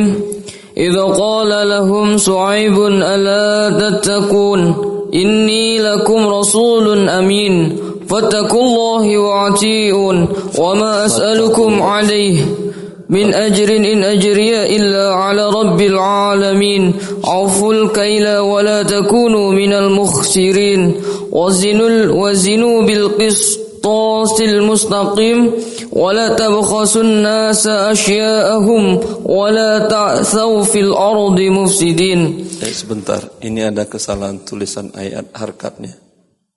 Saya nggak tahu. Saya dulu nulis ada Al-Quran program namanya Mushaf Nashar Maktabi Quran Publisher itu tinggal klik keluar ayatnya seperti ayat dalam Mushaf Quran. Tapi hilang dari program saya di komputer di Indonesia saya cari-cari tidak temukan. Sehingga ini saya ambil dari program Word biasa. Sehingga di sini fattakullahi salah ini.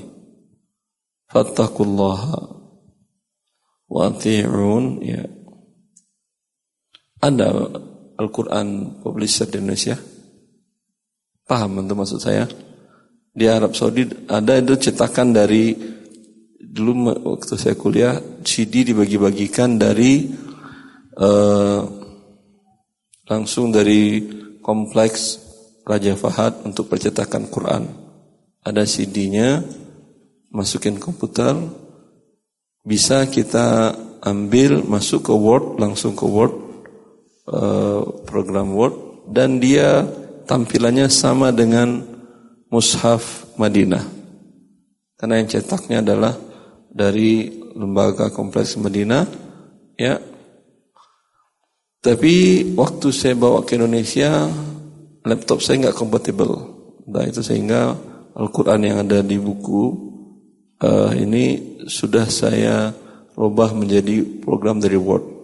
Program Wordnya yang ada, tapi karena program Word bukan aplikasi sehingga ada terjadi kesalahan seperti ini. Fattakullaha. Di sini fattakullahi tadi kan ya.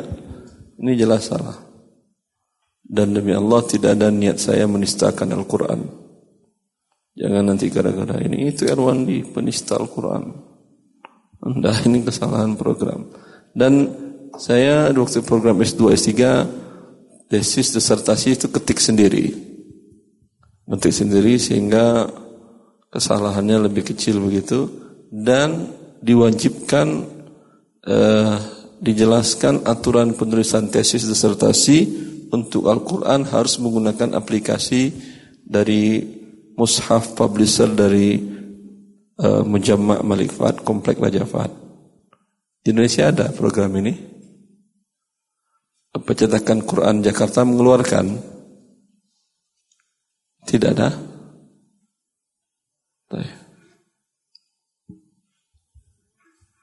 Terus.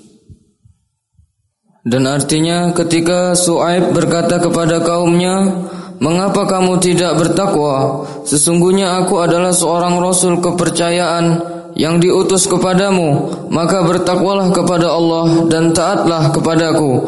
Dan aku sekali-kali tidak meminta upah kepadamu atas ajakan itu. Upahku tidak lain hanyalah dari Tuhan semesta alam. Sempurnakanlah takaran dan janganlah kamu termasuk orang-orang yang merugikan. Dan timbanglah dan timbanglah dengan timbangan yang benar dan janganlah kamu merugikan manusia pada hak-haknya. Dan janganlah kamu merajalela di muka bumi dengan membuat kerusakan. Akibat kesyirikan yang mereka lakukan dan kecurangan mereka dalam berdagang maka Allah timpakan kepada mereka berbagai macam azab. Ya, lihat azab yang Allah turunkan kepada mereka ya. Azab bermula Apa azabnya? Terus azab bermula dari hawa panas.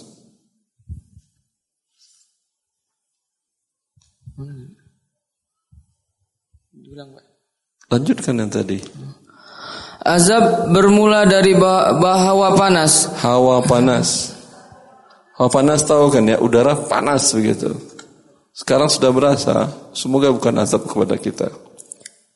Terus Azab bermula dari hawa panas Karena Allah menghentikan angin tertiup selama tujuh hari Selama tujuh hari angin tidak bertiup Terus saat itu air tidak berguna. Mau mandi Anda habis mandi juga panas.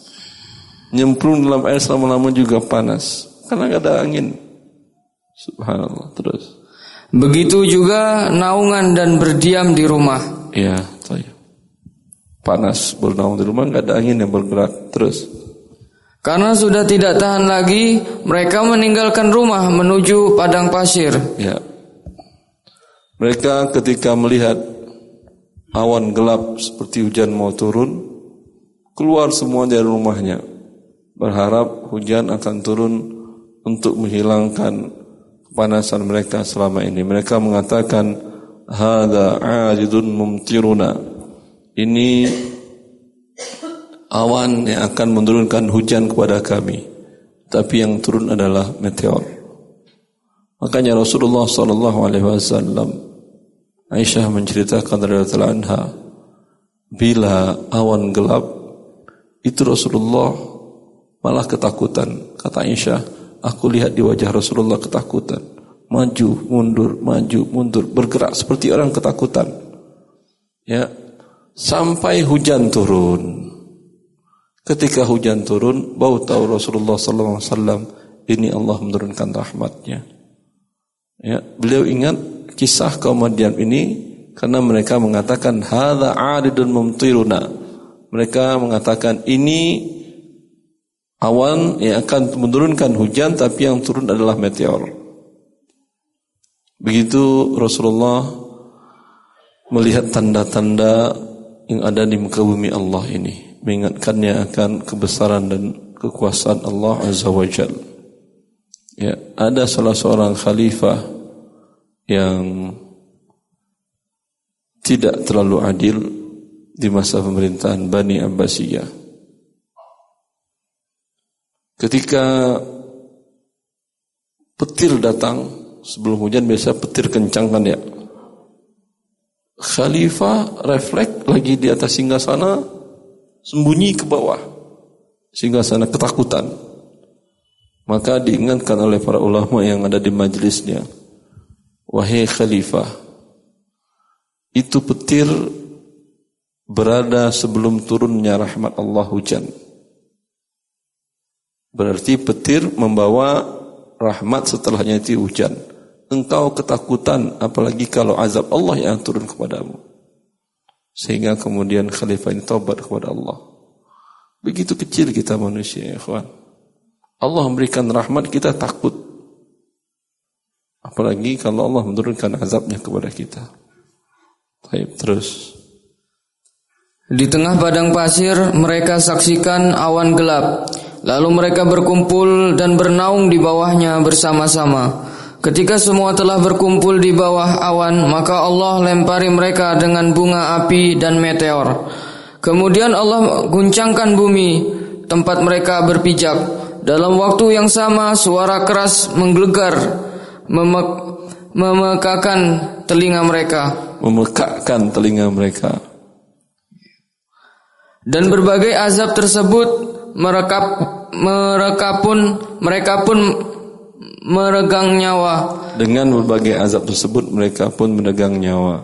Ya, ini lihat dalam Mukhtasar Qasasur Anbiya ringkasan dari kisah-kisah para nabi yang ditulis oleh Ibnu Katsir. Ya, itu siksaan yang Allah berikan kepada kaum Madian yang mereka mengurangi timbangan tersebut. Maka apa yang terjadi di dekat kita, sekitar kita, bagian dari azab Allah likuifaksi, gempa, petir menyambar. Ini bagian dari azab Allah Azza wa Maka apa yang kita lakukan? Yang bisa kita nasihati, kita lakukan untuk melihat kemungkaran tadi semampu kita kita untuk mencegah kemungkaran demi untuk agar Allah sayang kepada kita semuanya semampunya, mampu dengan tangan dengan tangan, mampu dengan lidah sampaikan, mampu dengan tulisan sampaikan, mampu dengan nge-tweet sekarang di Twitter sampaikan.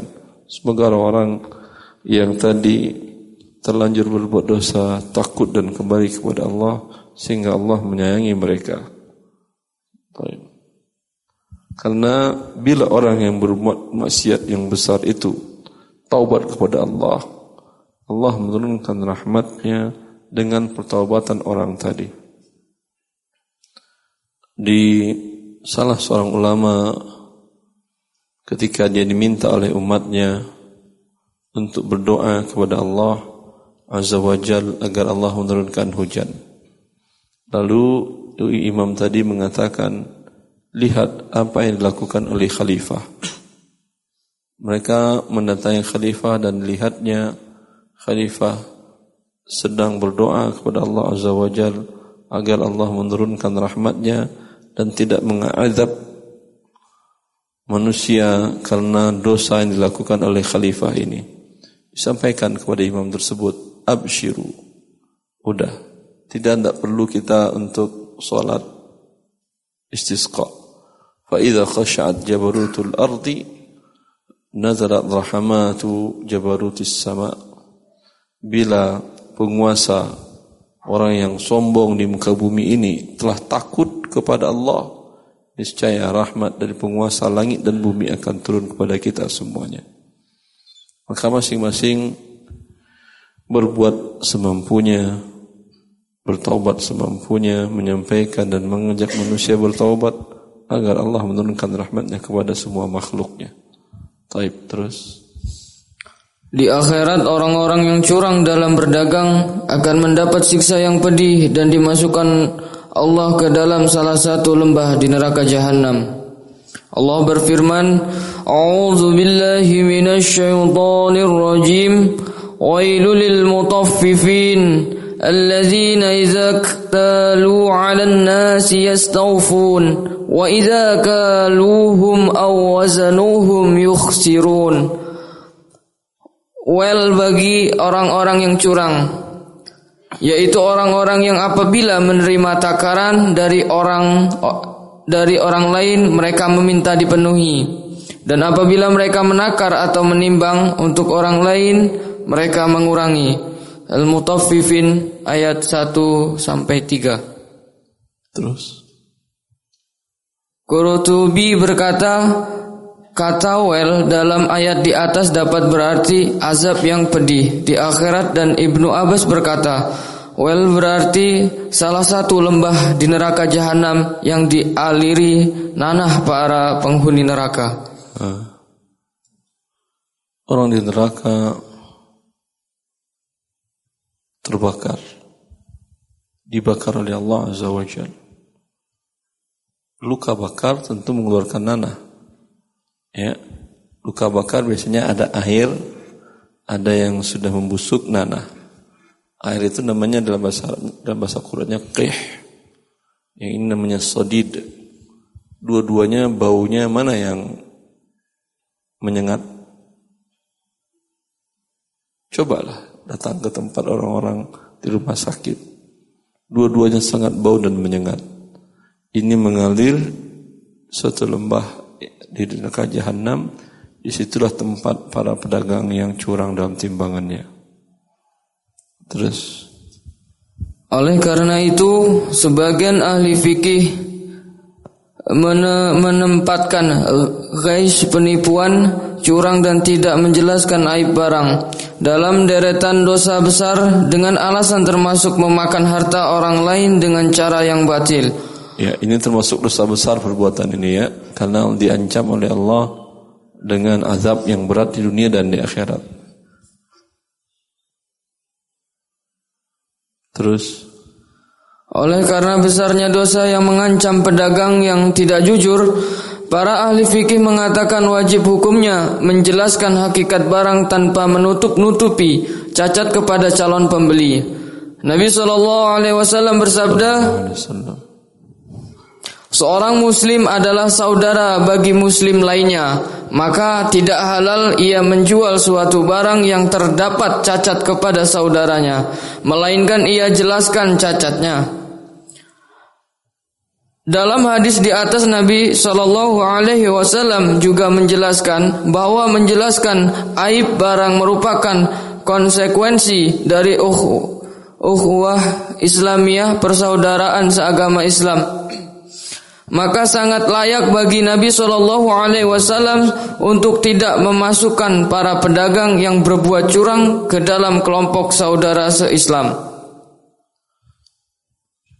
Terus beliau uh, beliau bersabda diriwayatkan dari Abu Hurairah radhiyallahu anhu bahwa Nabi Shallallahu Alaihi Wasallam melewati se seonggok tepung gandum yang dijual. Lalu beliau masukkan tangannya ke dalam onggokan terse tersebut. Ternyata bagian dalamnya basah. Beliau bertanya apa apa ini hai penjual tepung? Ia menjawab terkena hujan wahai Rasulullah. Lalu beliau bersabda mengapa engkau tidak meletakkannya di bagian atas sehingga orang dapat melihatnya? Sesungguhnya orang yang menipu tidak termasuk golonganku oleh sebab itu, maka seorang pedagang muslim yang baik tidak akan melakukan penipuan dalam perniagaannya. Dan bila terlanjur melakukannya, ia segera bertaubat membersihkan hartanya. Abu Said Al-Khadim, ulama mazhab Hanafi wafat. Uh, 1156 Hijriah meriwayatkan bahwa Imam Abu Hanifah mengirim 70 helai kain melalui Al-Bishr untuk dijual di Mesir dan beliau menulis surat kepadanya bahwa kain yang telah diberi tanda terdapat cacat serta memintanya untuk menjelaskan cacat tersebut kepada calon pembeli. Setelah kembali ke Irak, Al-Bishr menyerahkan uang hasil penjual penjualan kepada Abu Hanifah sebanyak 3 juta keping Eh? Jangan tambah nol ya, beda. Tiga ribu. Tiga ribu keping uang dinar. Uh, berapa ini pak?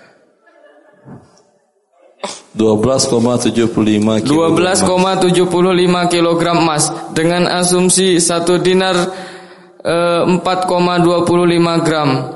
Lalu Abu Hanifah menanyakan kepada Al-Bishr, apakah satu kain yang cacat ia jelaskan cacatnya kepada pembeli saat dijual? Al-Bishr menjawab, aku lupa. Syahdan sang imam berdiri mensedekahkan seluruh hasil penjualan 70 helai kain. Ya, berapa kilo tadi? 13 kurang 0,025 kilo. Banyak kan ya emas? 4,25. Ya, taib. Cukup saya kira. Allah taala alam. Wassallallahu nabiyina Muhammad wa alihi wa sahbihi wasallam. Assalamualaikum warahmatullahi wabarakatuh. Gish penipuan ternyata bukan saja dipraktikkan di dunia niaga. Di dunia pendidikan, mulai dari tingkat sekolah dasar hingga perguruan tinggi, praktik gish tidak asing lagi. Tidak asing lagi dilakukan oleh perorangan ataupun masal. Praktik ini dikenal dengan curang, menyontek pada saat ulangan umum. Ini juga termasuk dalam bentuk gish, tindakan plagiat dalam karya ilmiah yang menjadi syarat kelulusan. Dan gish yang lebih tinggi lagi adalah praktik jual beli ijazah. Tradisi gish ini adalah mengakar dan memudaya di tengah sebagian masyarakat Indonesia. Sehingga pada saat ada salah seorang yang bongkar praktik gish pada ujian nasional di salah satu sekolah dasar di sebuah kota. Bukannya yang mendapat dukungan dari masyarakatnya, malah dia dikulskan dan diusir dari rumahnya sendiri oleh orang-orang sekitarnya. Dan di salah satu daerah lainnya agar GIS tidak terjadi sekolah-sekolah pasukan keamanan dengan seragam lengkap harus mengawal pendistribusian soal ujian. Gejala ini sangat menjadikan karena anggota masyarakat yang telah menganggap lumrah praktik GIS di lembaga pendidikan mayoritas adalah umat Islam. Tentulah kejahatan ini diakibatkan karena mereka telah menjauh dari agama mereka yang menjunjung tinggi kejujuran dan menumpas segala bentuk penipuan. Islam telah mengharamkan persaksian palsu dan menempatkan doa dosa ini dalam jajaran dosa besar sebagaimana yang dideskan oleh Haitami. Dosa besar yang ke-437 dan ke-438. Memberikan dan menerima persaksian palsu. Dan praktik jual beli ijazah merupakan bagian dari persaksian palsu karena lembaga yang menjual ijazah kepada seorang oknum sesungguhnya telah bersaksi bahwa oknum ini telah menempuh pendidikan sekian lama di lembaga tersebut. Juga telah mengikuti ujian dan berhak mendapat nilai sekian. Allah telah menjelaskan sifat-sifat para hambanya, di antara sifat mereka tidak memberikan persaksian palsu. Allah berfirman, wallazina la yashadun nazur. Artinya, dan orang-orang yang tidak memberikan persaksian palsu. Surat Al-Quran Surat Al-Furqan ayat 72. Diriwayatkan dari Abu Bakrah radhiyallahu anhu ia berkata, kami berada di sisi Rasulullah SAW, lalu beliau bersabda, yang artinya, maukah kalian aku beritahu dosa yang paling besar? Beliau melakukan tiga kali. Kami berkata, tentu wahai Rasulullah. Ia bersabda, berbuat syirik kepada Allah dan durhaka kepada kedua orang tua, persaksian palsu, dan perkataan dusta. Awalnya beliau bertelekan lalu duduk. Beliau terus mengulang-ulang kalimat ini sehingga kami berkata, semoga Allah, semoga beliau berhenti. Munafik alaih. Begitu juga dengan praktik contek menyontek pada saat ulangan merupakan gish yang Nabi berlepas diri dari para pelakunya. Beliau bersabda dari hadis HR Muslim, tidak termasuk golanku orang yang menipu. Akibat dari gis pada saat ulangan atau membeli ijazah tidak berhenti di situ. Pada saat ijazah dan nilai ujian digunakan untuk melamar pekerjaan, dan dia mendapat pekerjaan dengan menggunakan ijazah dengan nilai yang diperoleh dari hasil GIS atau penipuan dengan menyontek. Maka gaji yang dia terima setiap bulannya dikhawatirkan tidak halal karena merupakan hasil penipuan nilai dari ijazah. Syekh Ibnu Utsaimin rahimullah pernah ditanya tentang seorang murid yang memberi contekan ulangan kepada temannya. Maka beliau menjawab, Seorang murid sama sekali tidak boleh membantu temannya memberikan jawaban ujian, karena perbuatan ini termasuk berkhianat dan pihak berwenang tidak membolehkannya. Peraturan ini termasuk pada hakikatnya adalah kezaliman terhadap murid yang dibantu, juga kezaliman dari murid yang membantu, serta tindak kejahatan terhadap lembaga pendidikan dan terhadap umat. Perbuatan ini menjalani siswa yang dibantu karena dibantu untuk melakukan sebuah perbuatan dosa, yaitu menipu. Nabi telah bersabda, tidak termasuk golanku yang menipu. Hadis rawat Muslim. Perbuatan ini kezalimin dari murid yang membantu karena dia telah membantu terjadinya sebuah perbuatan dosa, yaitu menipu. Dan orang yang membantu terjadinya sebuah dosa, niscaya mendapatkan dosa yang sama. Sungguh Nabi telah mengutuk orang yang memakan riba, yang memberikan riba, dua saksi transaksi riba, dan menulis akad riba. Mereka seluruhnya sama berdosa. Dari hadis ini sangat jelas bahwa orang yang bantu terjadinya sebuah dosa, dia juga berdosa. Perbuatan ini merupakan tindak kejahatan terhadap umat. Karena umat yang terdiri dari para lulusan sekolah hasil penipuan adalah sebuah umat yang berada dalam kehancuran. Oleh karena itu, saya menasihati para siswa dan mahasiswa hendaknya mereka takut kepada Allah pada saat mengerjakan ulangan. Begitu juga nasihat saya kepada para guru dan para pengawas ulangan agar takut kepada Allah dan janganlah melaikan tugas karena kelak di akhirat mereka di akhirat mereka akan diminta pertanggungjawabannya terhadap tugas yang diamanahkan kepada mereka. Footnote 212 Fatwa Nurun ala Adrab dalam majelis yang lain, Syekh ditanya tentang hal serupa dan belum menjawab. Tidak boleh bagi seorang pelajar atau mahasiswa berbuat curang ketika ujian. Karena kecurangan tersebut termasuk dosa besar berdasarkan hadis Nabi Shallallahu Alaihi Wasallam. Siapa saja yang menipu kami atau berbuat curang, maka dia tidak termasuk bagian dari kami. Karena dengan kecurangan tersebut dia akan mendapatkan tanda kelulusan ijazah, padahal dia tidak berhak menerimanya. Kemudian dia mendapat pekerjaan tertentu di sebuah instansi di mana posisi tersebut tidak diberikan kecuali kepada orang yang punya ijazah tadi. Kalau seandainya ijazah yang termasuk kalau seandainya ijazah tersebut didapatkan dengan curang, maka dikhawatirkan gaji yang diterimanya menjadi haram hukumnya. Karena dia mengambil gaji tersebut, padahal dia tidak berhak mendapatkannya disebabkan dia tidak mendapatkan nilai yang ada di jasanya dengan cara yang benar atau lebih tepatnya dikatakan bahwa pada hakikatnya dia belum mendapat nilai yang membuat dia layak untuk menduduki jabatan tersebut. Maka gaji yang diambil termasuk dalam kategori memakan harta dengan cara yang batil. Poin eh, Notmut 212. Ibit. Ya.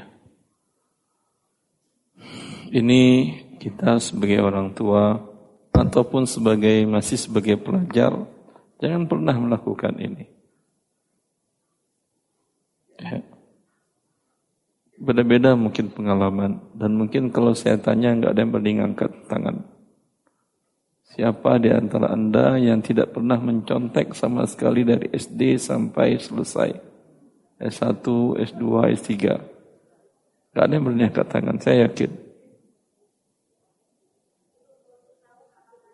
Ah, kan mulai bergerak alasan.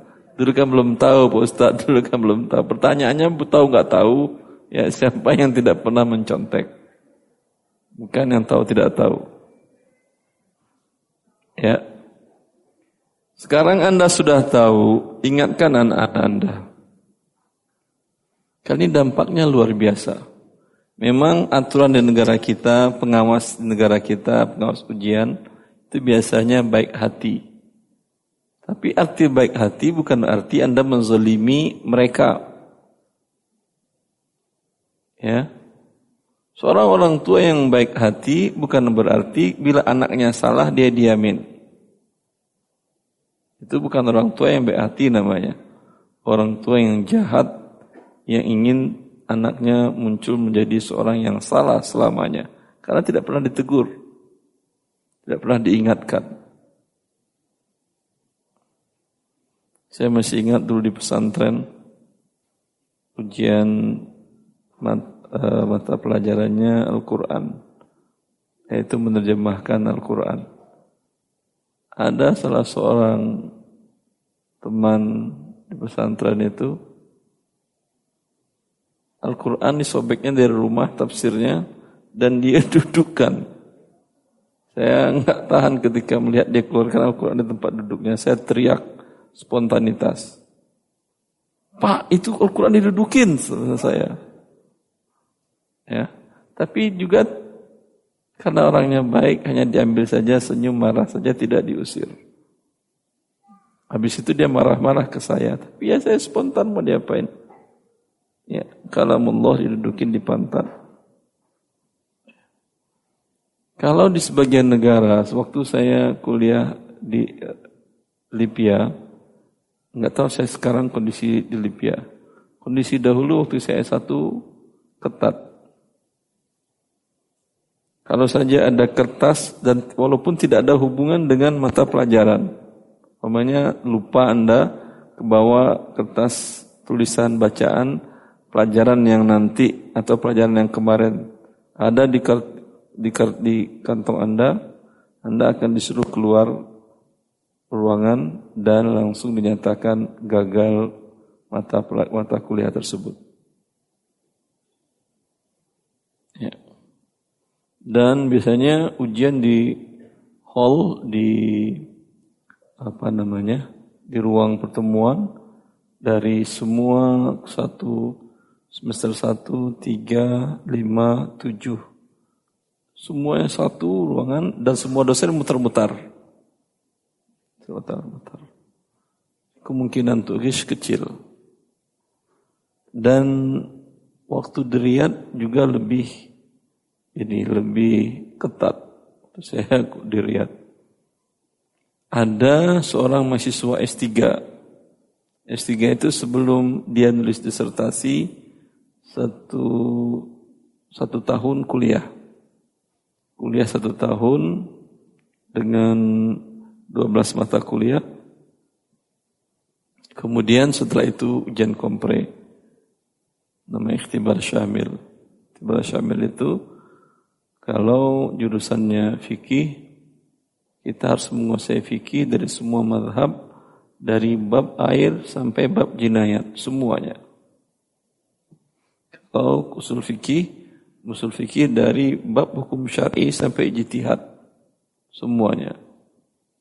Dan kuaid fikih dan uh, furuk maqasid syariah yang, yang berkaitan langsung ada adik kelas S3 waktu saya di S3 orang Saudi dan dia dosen. Tahun ketiga saya di S3 itu nama dia terpampang bahwa si fulan ya ketahuan wish mencontek ketika ujian semua mata kuliahnya dianggap dia gagal satu semester dan dibatalkan statusnya sebagai dosen, dicabut. Mungkin di Indonesia nggak ada kayak gitu kan ya. Orangnya baik-baik sehingga banyak terjadi gish. Karena gish dalam dunia ini, dunia pendidikan, ini yang membuat munculnya orang-orang koruptor. Munculnya orang-orang yang pemakan riswah. Kan sudah terbiasa. Sudah terbiasa gurunya mengajarkan namanya ada anak yang menonjol dalam mata sebuah mata pelajaran bahkan diingatkan kamu kalau ujian nasional nanti kasih unjuk teman-teman ya supaya nilai apa nilai sekolahnya secara rata-rata apa tidak turun karena bila ada satu anak nilainya rendah ya otomatis sekolah itu menjadi turun nilai keseluruhannya. Maka dengan cara berbohong guru-guru pun mengajarkannya. Dan ini sering-sering saya ingatkan kepada anak-anak saya mulai dari SD sampai alhamdulillah mereka di pesantren sekarang selalu saya ingatkan kalau waktu ujian belajar maksimal iya Ha, belajar maksimal, nanti terima apa pun nilai Anda. Sampai sekarang pun kalau mereka mau ujian, saya nelfon, saya ingatkan, jangan pernah mencontek, jangan pernah curang, menipu dalam ujian. Bagi saya tidak ingin saya kalian, ya, saya tidak pernah minta kalian harus juara satu, ya, tapi saya minta kalian untuk tidak pernah berbohong dalam ujian. Alhamdulillah mereka tetap juara satu terus. Yang di Al-Bassam pesantren tahfiz juara satu terus setiap semesternya. Yang kakaknya yang di Alia di Azamil juga juara satu terus. Ya. Saya tidak pernah minta kalian juara tapi saya hanya minta kalian tidak pernah berbohong tidak ada gunanya juara kalau didapatkan dengan berbohong karena saya Alhamdulillah setahu saya dari SD sampai S3 saya nggak pernah mencontek Walau melirik ke kanan ke kiri, serasa menurut saya tidak pernah. Saya ingat saya. Ya. Ini yang penting kita tanamkan kepada anak-anak. Enggak rugi kita anak-anak gagal di nilai sekolahnya. Karena kalau gagal dari nilai sekolahnya, kemungkinan kegagalan di sini mengantarkan dia menjadi orang yang sukses dalam kehidupannya. Iya atau tidak? Banyak orang yang sukses dalam hidup adalah orang-orang yang gagal dari dunia pendidikan. Iya atau tidak? Saya kenal seorang teman, kalau kisah-kisah orang bisnis mungkin banyak. Tapi yang real saya punya teman, dia gagal teknik elektro di ITB karena dia menikah. Dia minta izin ke bapaknya untuk menikah dan dia minta ke bapaknya untuk mengirimkan uang bulanan double. Ya, satu untuk dia, satu untuk menantu bapaknya. bapaknya marah. Kalau kamu nikah, saya putuskan uang kuliah kamu, uang bulanan. Betul dia nekat nikah dan bapaknya pun tidak ngirim uang lagi. Hmm. Kemudian dia sibuk berbisnis. Gagal memang di teknik elektro di ITB, Ya, tapi bisnisnya luar biasa, masya Allah.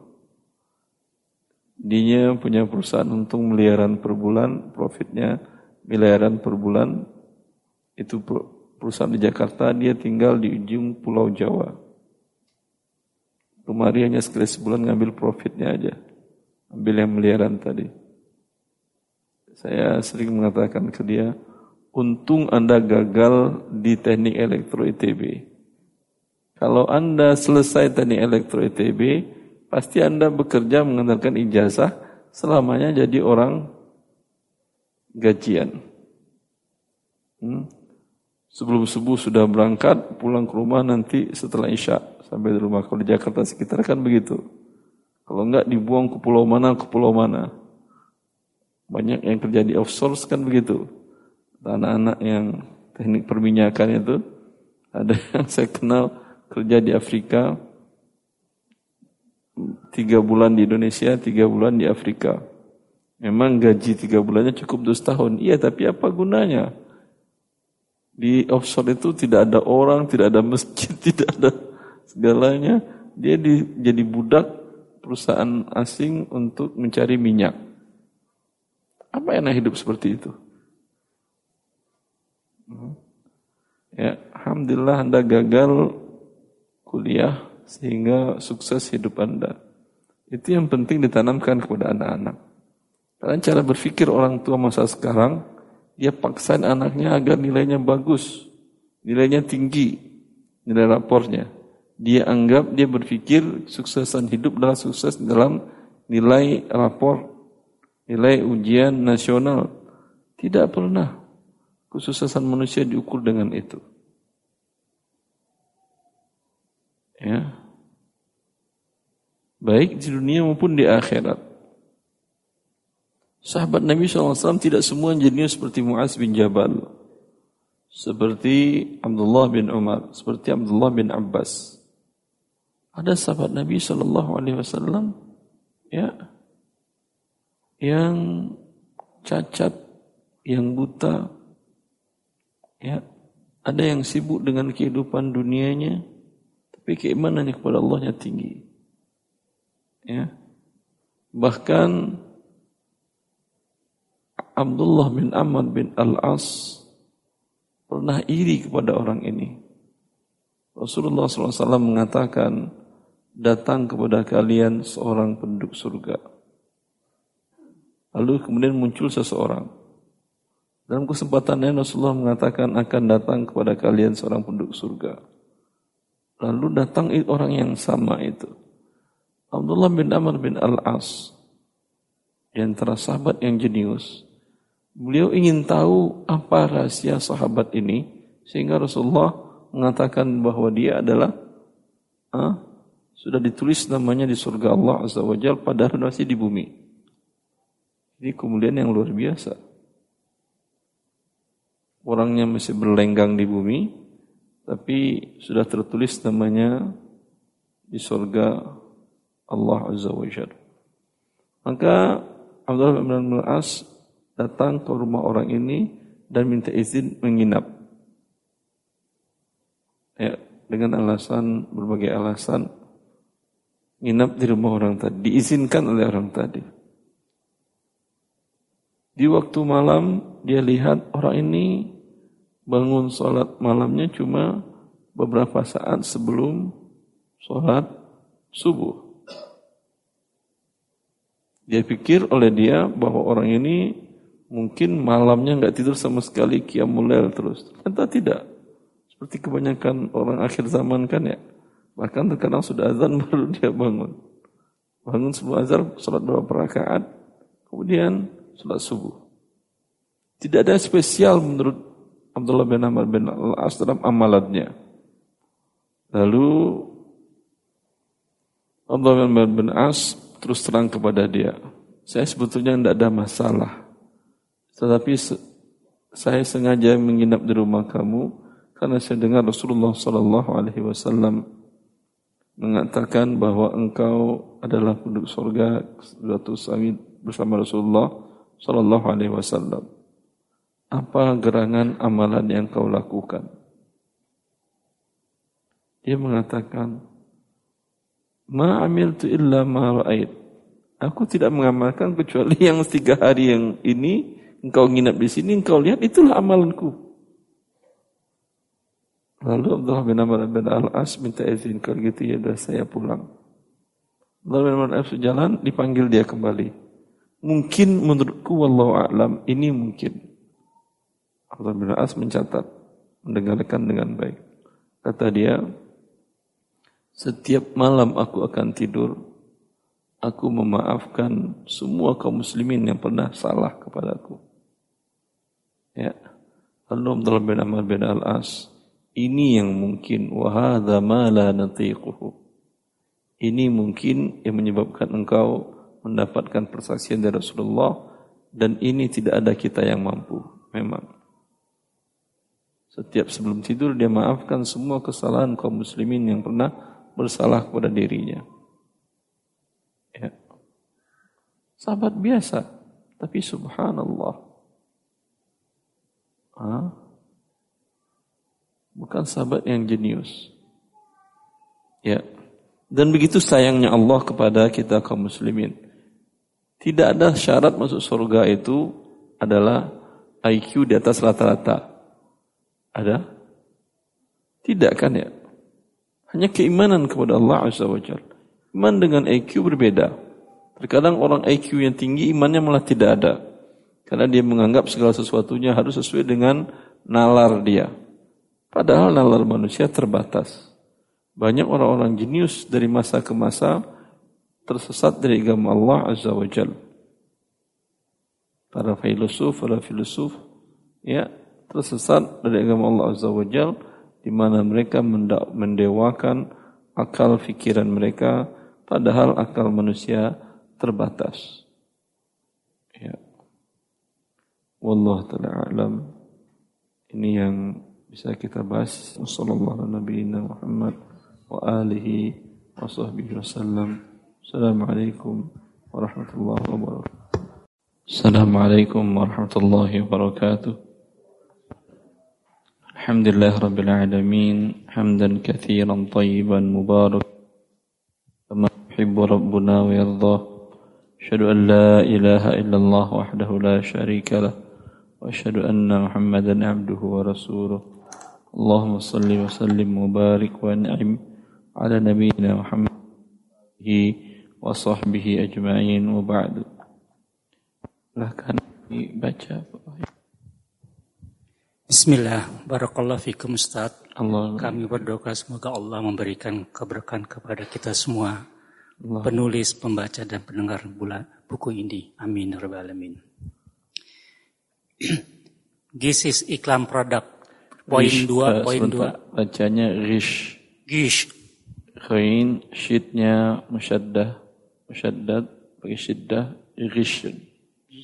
Ya, dalam hadis Nabi, man ghashana man ghashana falaysa minna. Masdarnya atau perbuatannya ghish. Ah. Ya. 2.2.3.1.25 gish iklan produk. Iklan adalah pemberitahuan kepada khalayak ramai mengenai barang atau jasa yang dijual melalui cetak media visual dan non-visual dengan tujuan mendorong atau menarik mereka untuk membeli produk yang diiklankan. Footnote 207 yaitu dari Syekh Al-Midrat Al-Aqlin At-Tijari Idorah Fikiyah halaman 38 tesis di Universitas Islam Al-Imam Muhammad bin Saud Riyadh Arab Saudi tahun 1427 Hijriah. Ya, ini referensinya tidak didapatkan karena Setahu saya sampai sekarang dia belum mencetak tesisnya ini. Oh ini saya ambil waktu saya kuliah di sana. Di saya rujuk di pustaka fakultas. Ya.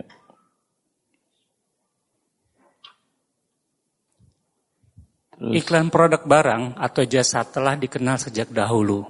Di pasar-pasar terdapat dalal atau orang upahan meneriakan nama barang-barang serta spesifikasinya, sehingga para pembeli berdatangan ke tempat tersebut untuk membeli barang yang mereka inginkan. Mengiklankan sebuah produk sangat dibutuhkan oleh pihak produsen, pemilik barang atau jasa untuk memasarkan barang atau jasa yang mereka miliki, dan juga sangat dibutuhkan oleh para pembeli atau pengguna jasa untuk memberikan informasi yang akurat, sehingga pihak konsumen dapat menentukan pilihan mereka terhadap barang atau jasa sesuai dengan keinginan dan anggaran mereka. Karena kebutuhan pemilik barang atau jasa dan konsumen akan iklan produk maka iklan sudah dikenal sejak lama dari masa Rasulullah SAW. Footnote 208 itu dari Al-Mausaah Al-Fiqiyah Al-Kuwaitiyah jilid 10 halaman 151 sampai 152 dan dasar atas, dan atas dasar kebutuhan akan iklan produk dan karena hukum asal muamalat adalah mubah selama tidak terdapat larangan maka hukum mengiklankan produk dibenarkan dalam Islam. Footnote 209 dari Dr. Abdullah As-Sulami Al-Gishish Al-Gish wa'at wa'at suruhu fi ukut jilid 2 halaman 672. Akan tetapi di berbagai media massa, setiap hari banyak disaksikan iklan-iklan tidak sesuai dengan aturan syariat. Agar hukum bola di beriklan tidak berubah menjadi haram atau terpenuhi ketentuan-ketentuan berikut. Satu, tidak mengandung unsur gish, jujur dalam pesan dan informasi yang disampaikan kepada khalayak ramai, serta menjelaskan seluruh informasi yang dibutuhkan oleh calon konsumen dan tidak boleh memuji produk dengan kata-kata bohong atau terlalu berlebihan atau tadlis dan tidak boleh menyembunyikan cacat produk dalam beriklan atau iktimanul aib. Ya. Bila ini tidak dijalankan maka kezoliman-kezoliman dan kerusakan akan terjadi. Ya. Kasus yang terakhir sebuah perusahaan menjual kapling tanah, tapi dengan nama iklannya jual kurma. Dan hitung-hitungannya pun dari buah kurma itu akan menguntungkan sekian puluh atau ratus juta per tahun. Anda mau jual kapling atau mau jual pohon kurma? Ya. Dan pun tidak menyampaikan kondisi sesungguhnya. Bahwasanya kondisi tanah yang mereka jual tersebut sebagian ada yang belum mereka miliki. Sebagian sudah mereka beli dan di DP kepada masyarakat. Tetapi mereka mendp-nya ke masyarakat dalam jangka dua tahun. Bila perusahaan gagal membayar, maka masyarakat menarik kembali surat-surat tanah mereka yang sudah mereka jualkan serahkan ke pihak perusahaan. Ini tidak diberitahukan kepada para calon nasabah, calon pembeli tempat tersebut. Ini tidak boleh dalam agama Allah. Kalau Anda ingin menjual, jelaskan sesungguhnya apa yang terjadi. Memang secara syariat, betul barang yang dibeli sudah boleh dijual walaupun belum lunas. Dan Anda kuasai penuh. Tapi kalau ada persyaratan bahwa dua sekian waktu tidak bisa membayar perlunasannya, maka DP dianggap hangus, maka ini wajib Anda sampaikan kepada calon pembeli Anda.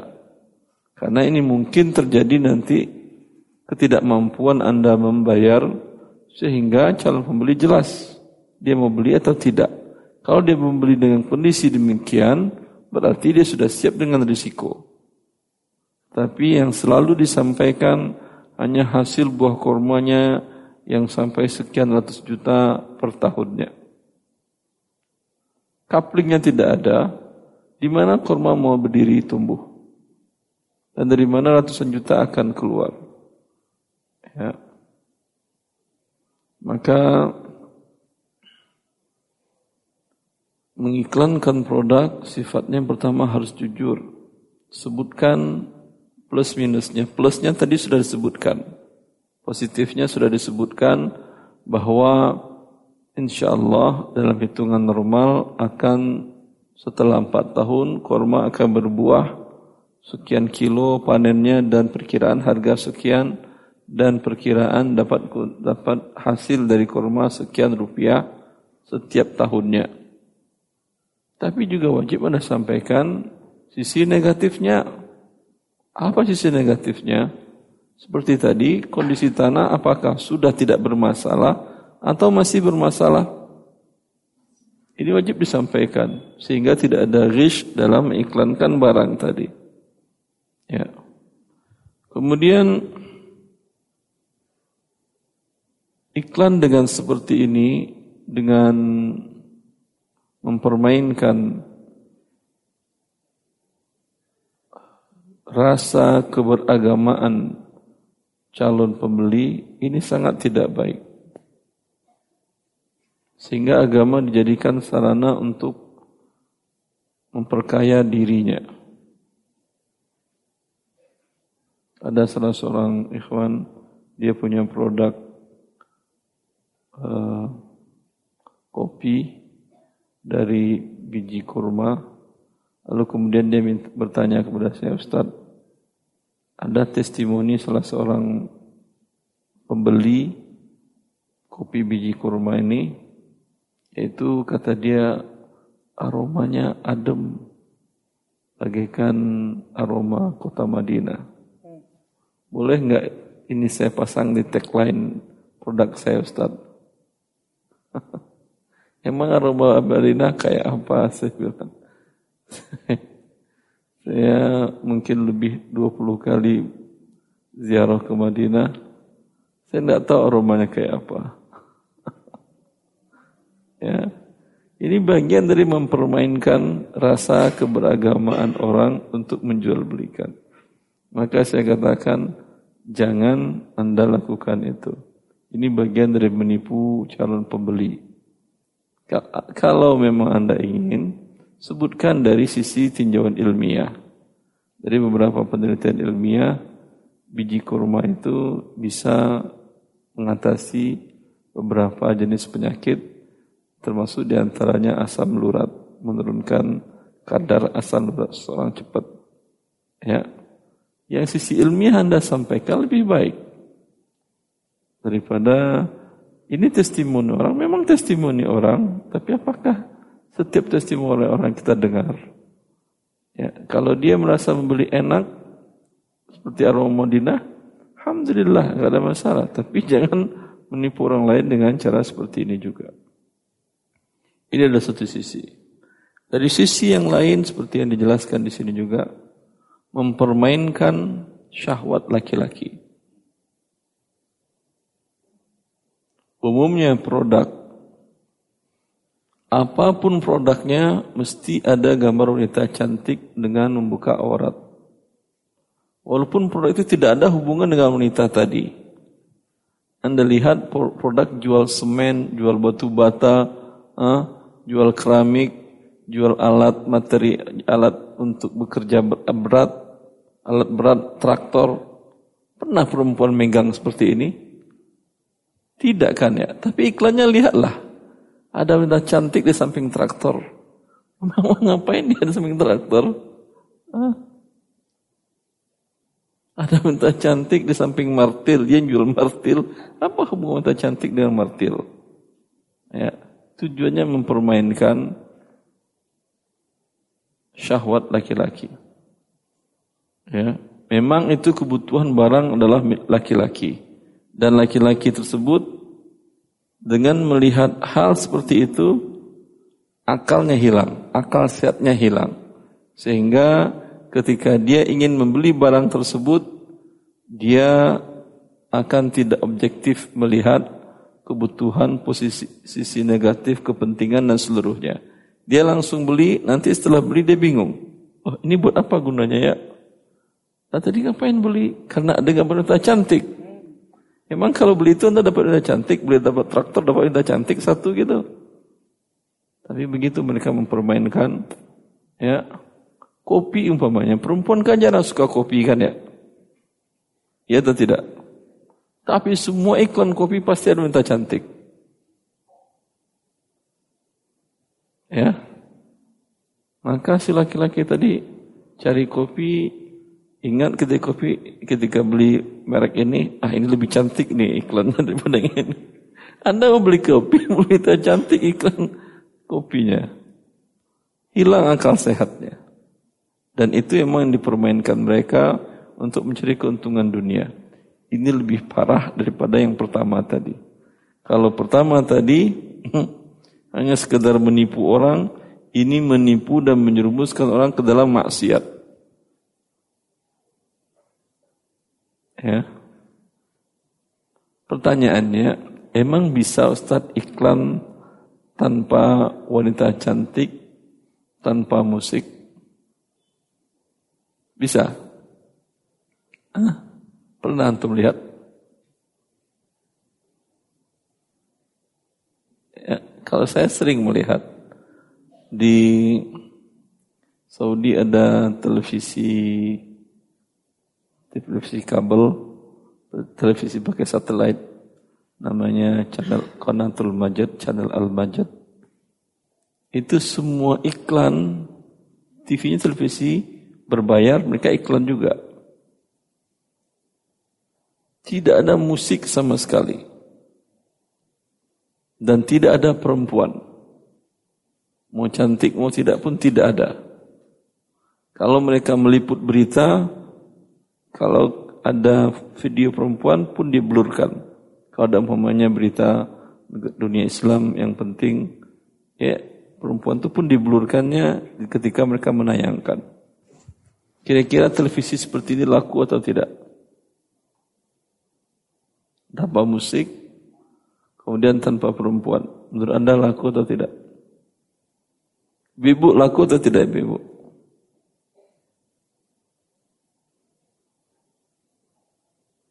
Mereka baru dua tahun berdiri televisi tadi. Awalnya tidak ada iklan. Tapi dua tahun mereka berdiri. Dari satu channel sekarang sudah punya tujuh channel mereka lebih dulu membuat channel Al-Quran khusus, hadis khusus dibandingkan channel dari Mekah dan Madinah yang khusus Quran dan hadis. Itu Al-Majid lebih dulu. Dan mereka punya channel khusus anak-anak juga. Tanpa musik. Ya, film-filmnya ada yang mereka buat sendiri, animasinya tanpa muka. Ya, kemudian ada juga yang mereka ambil dari film-film yang bagus yang tidak merusak anak-anak.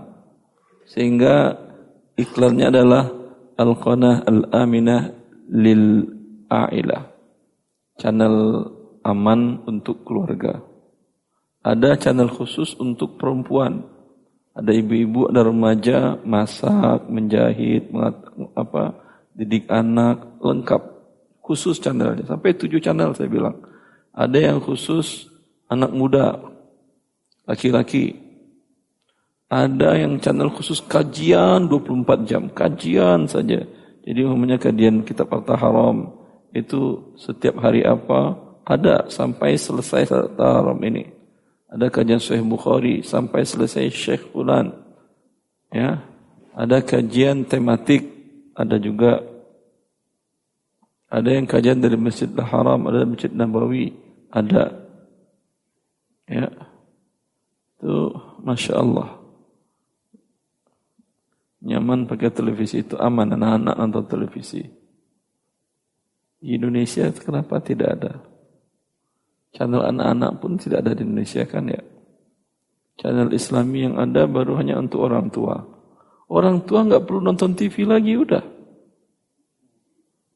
Hah? Yang butuh televisi itu kan anak-anak.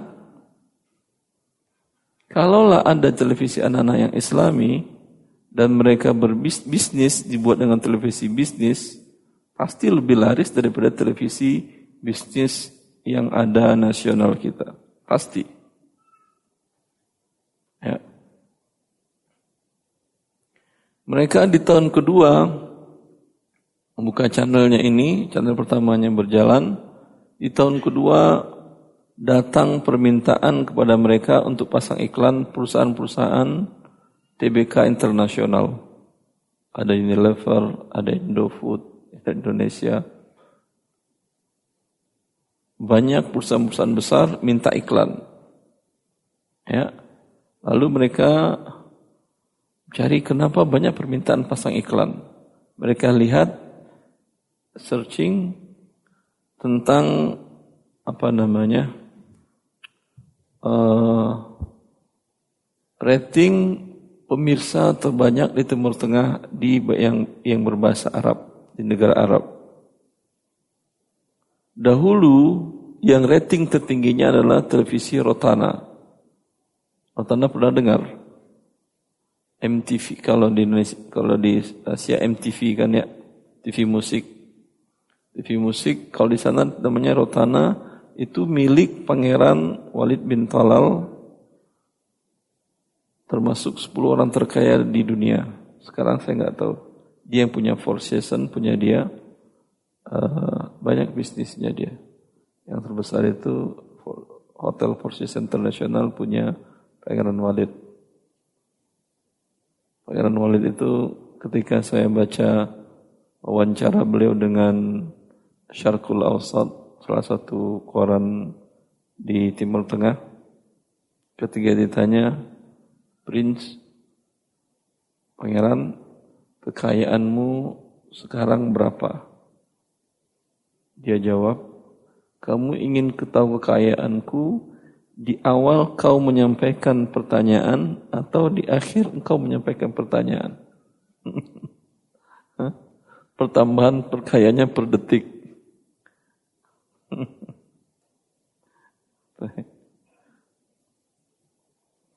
ya, tetapi kalah dengan TV Al-Majid tadi. Mereka lihat ternyata rating mereka setimur tengah nomor satu. Nomor satu. Ya. Padahal nggak pakai musik. Karena orang yang datang, mereka membuat standar untuk pasang iklan. Bisa kalian pasang iklan di sini dan berbayar per menit, per detik seperti umumnya, ya pasar umumnya. Tetapi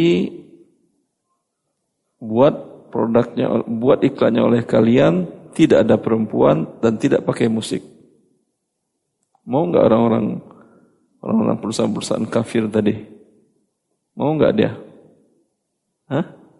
Ya mau lah, mereka kan mau jualan. Yang butuh kan mereka.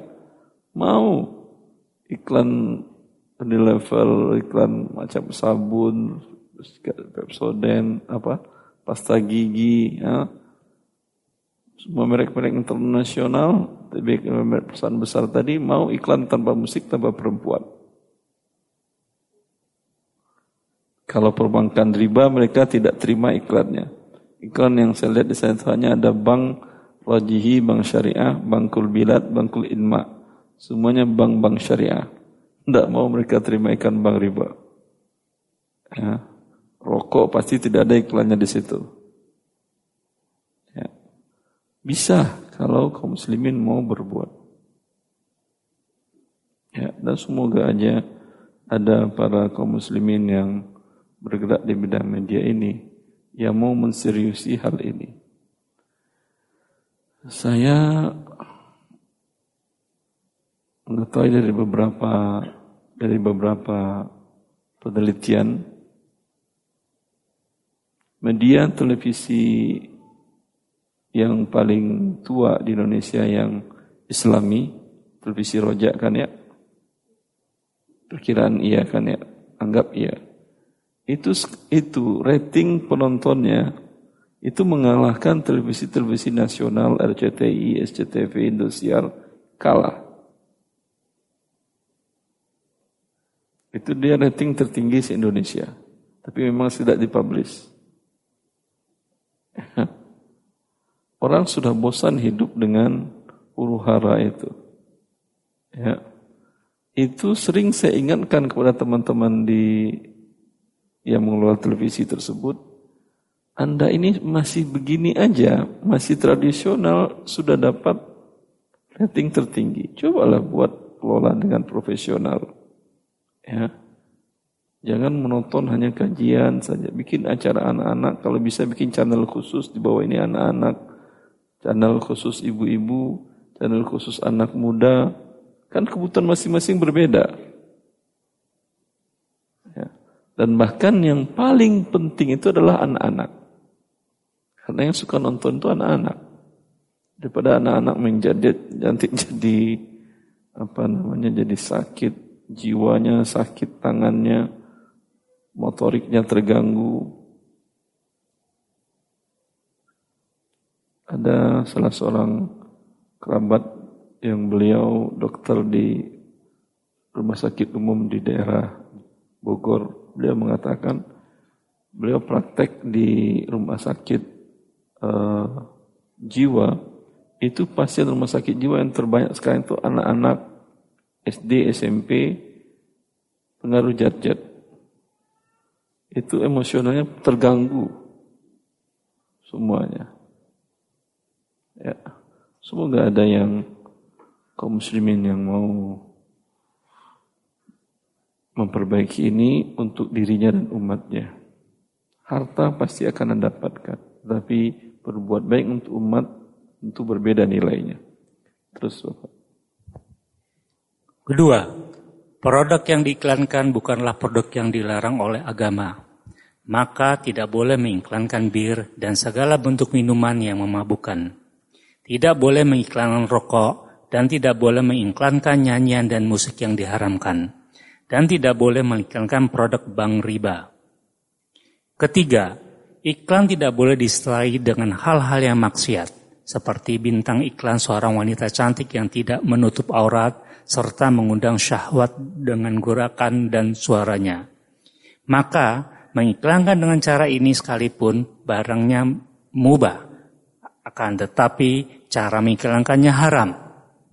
Empat, tidak merendahkan produk saingan berdasarkan sabda Nabi Shallallahu Alaihi Wasallam dari hadis Bukhari Muslim. Artinya, tidak sempurna keimanan seseorang hingga ia menyukai untuk saudaranya apa yang disukai untuk dirinya.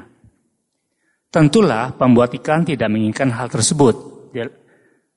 Tentulah pembuat iklan tidak menginginkan hal tersebut dilakukan oleh pas, pesaingnya, maka janganlah dia lakukan hal serupa, karena ini termasuk menjelomi orang lain. Footnote 210 oleh Dr. Abdullah Asulami jilid 2 halaman 674 sampai 676.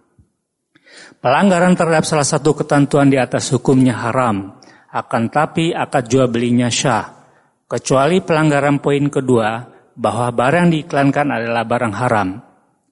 Dan karena iklan biasa ditunjukkan kepada halayak ramai, maka berbuat curang atau gish dalam dalam beriklan jasalah menjalani orang banyak. Ya. Lanjutkan dua poin dua tiga poin satu poin dua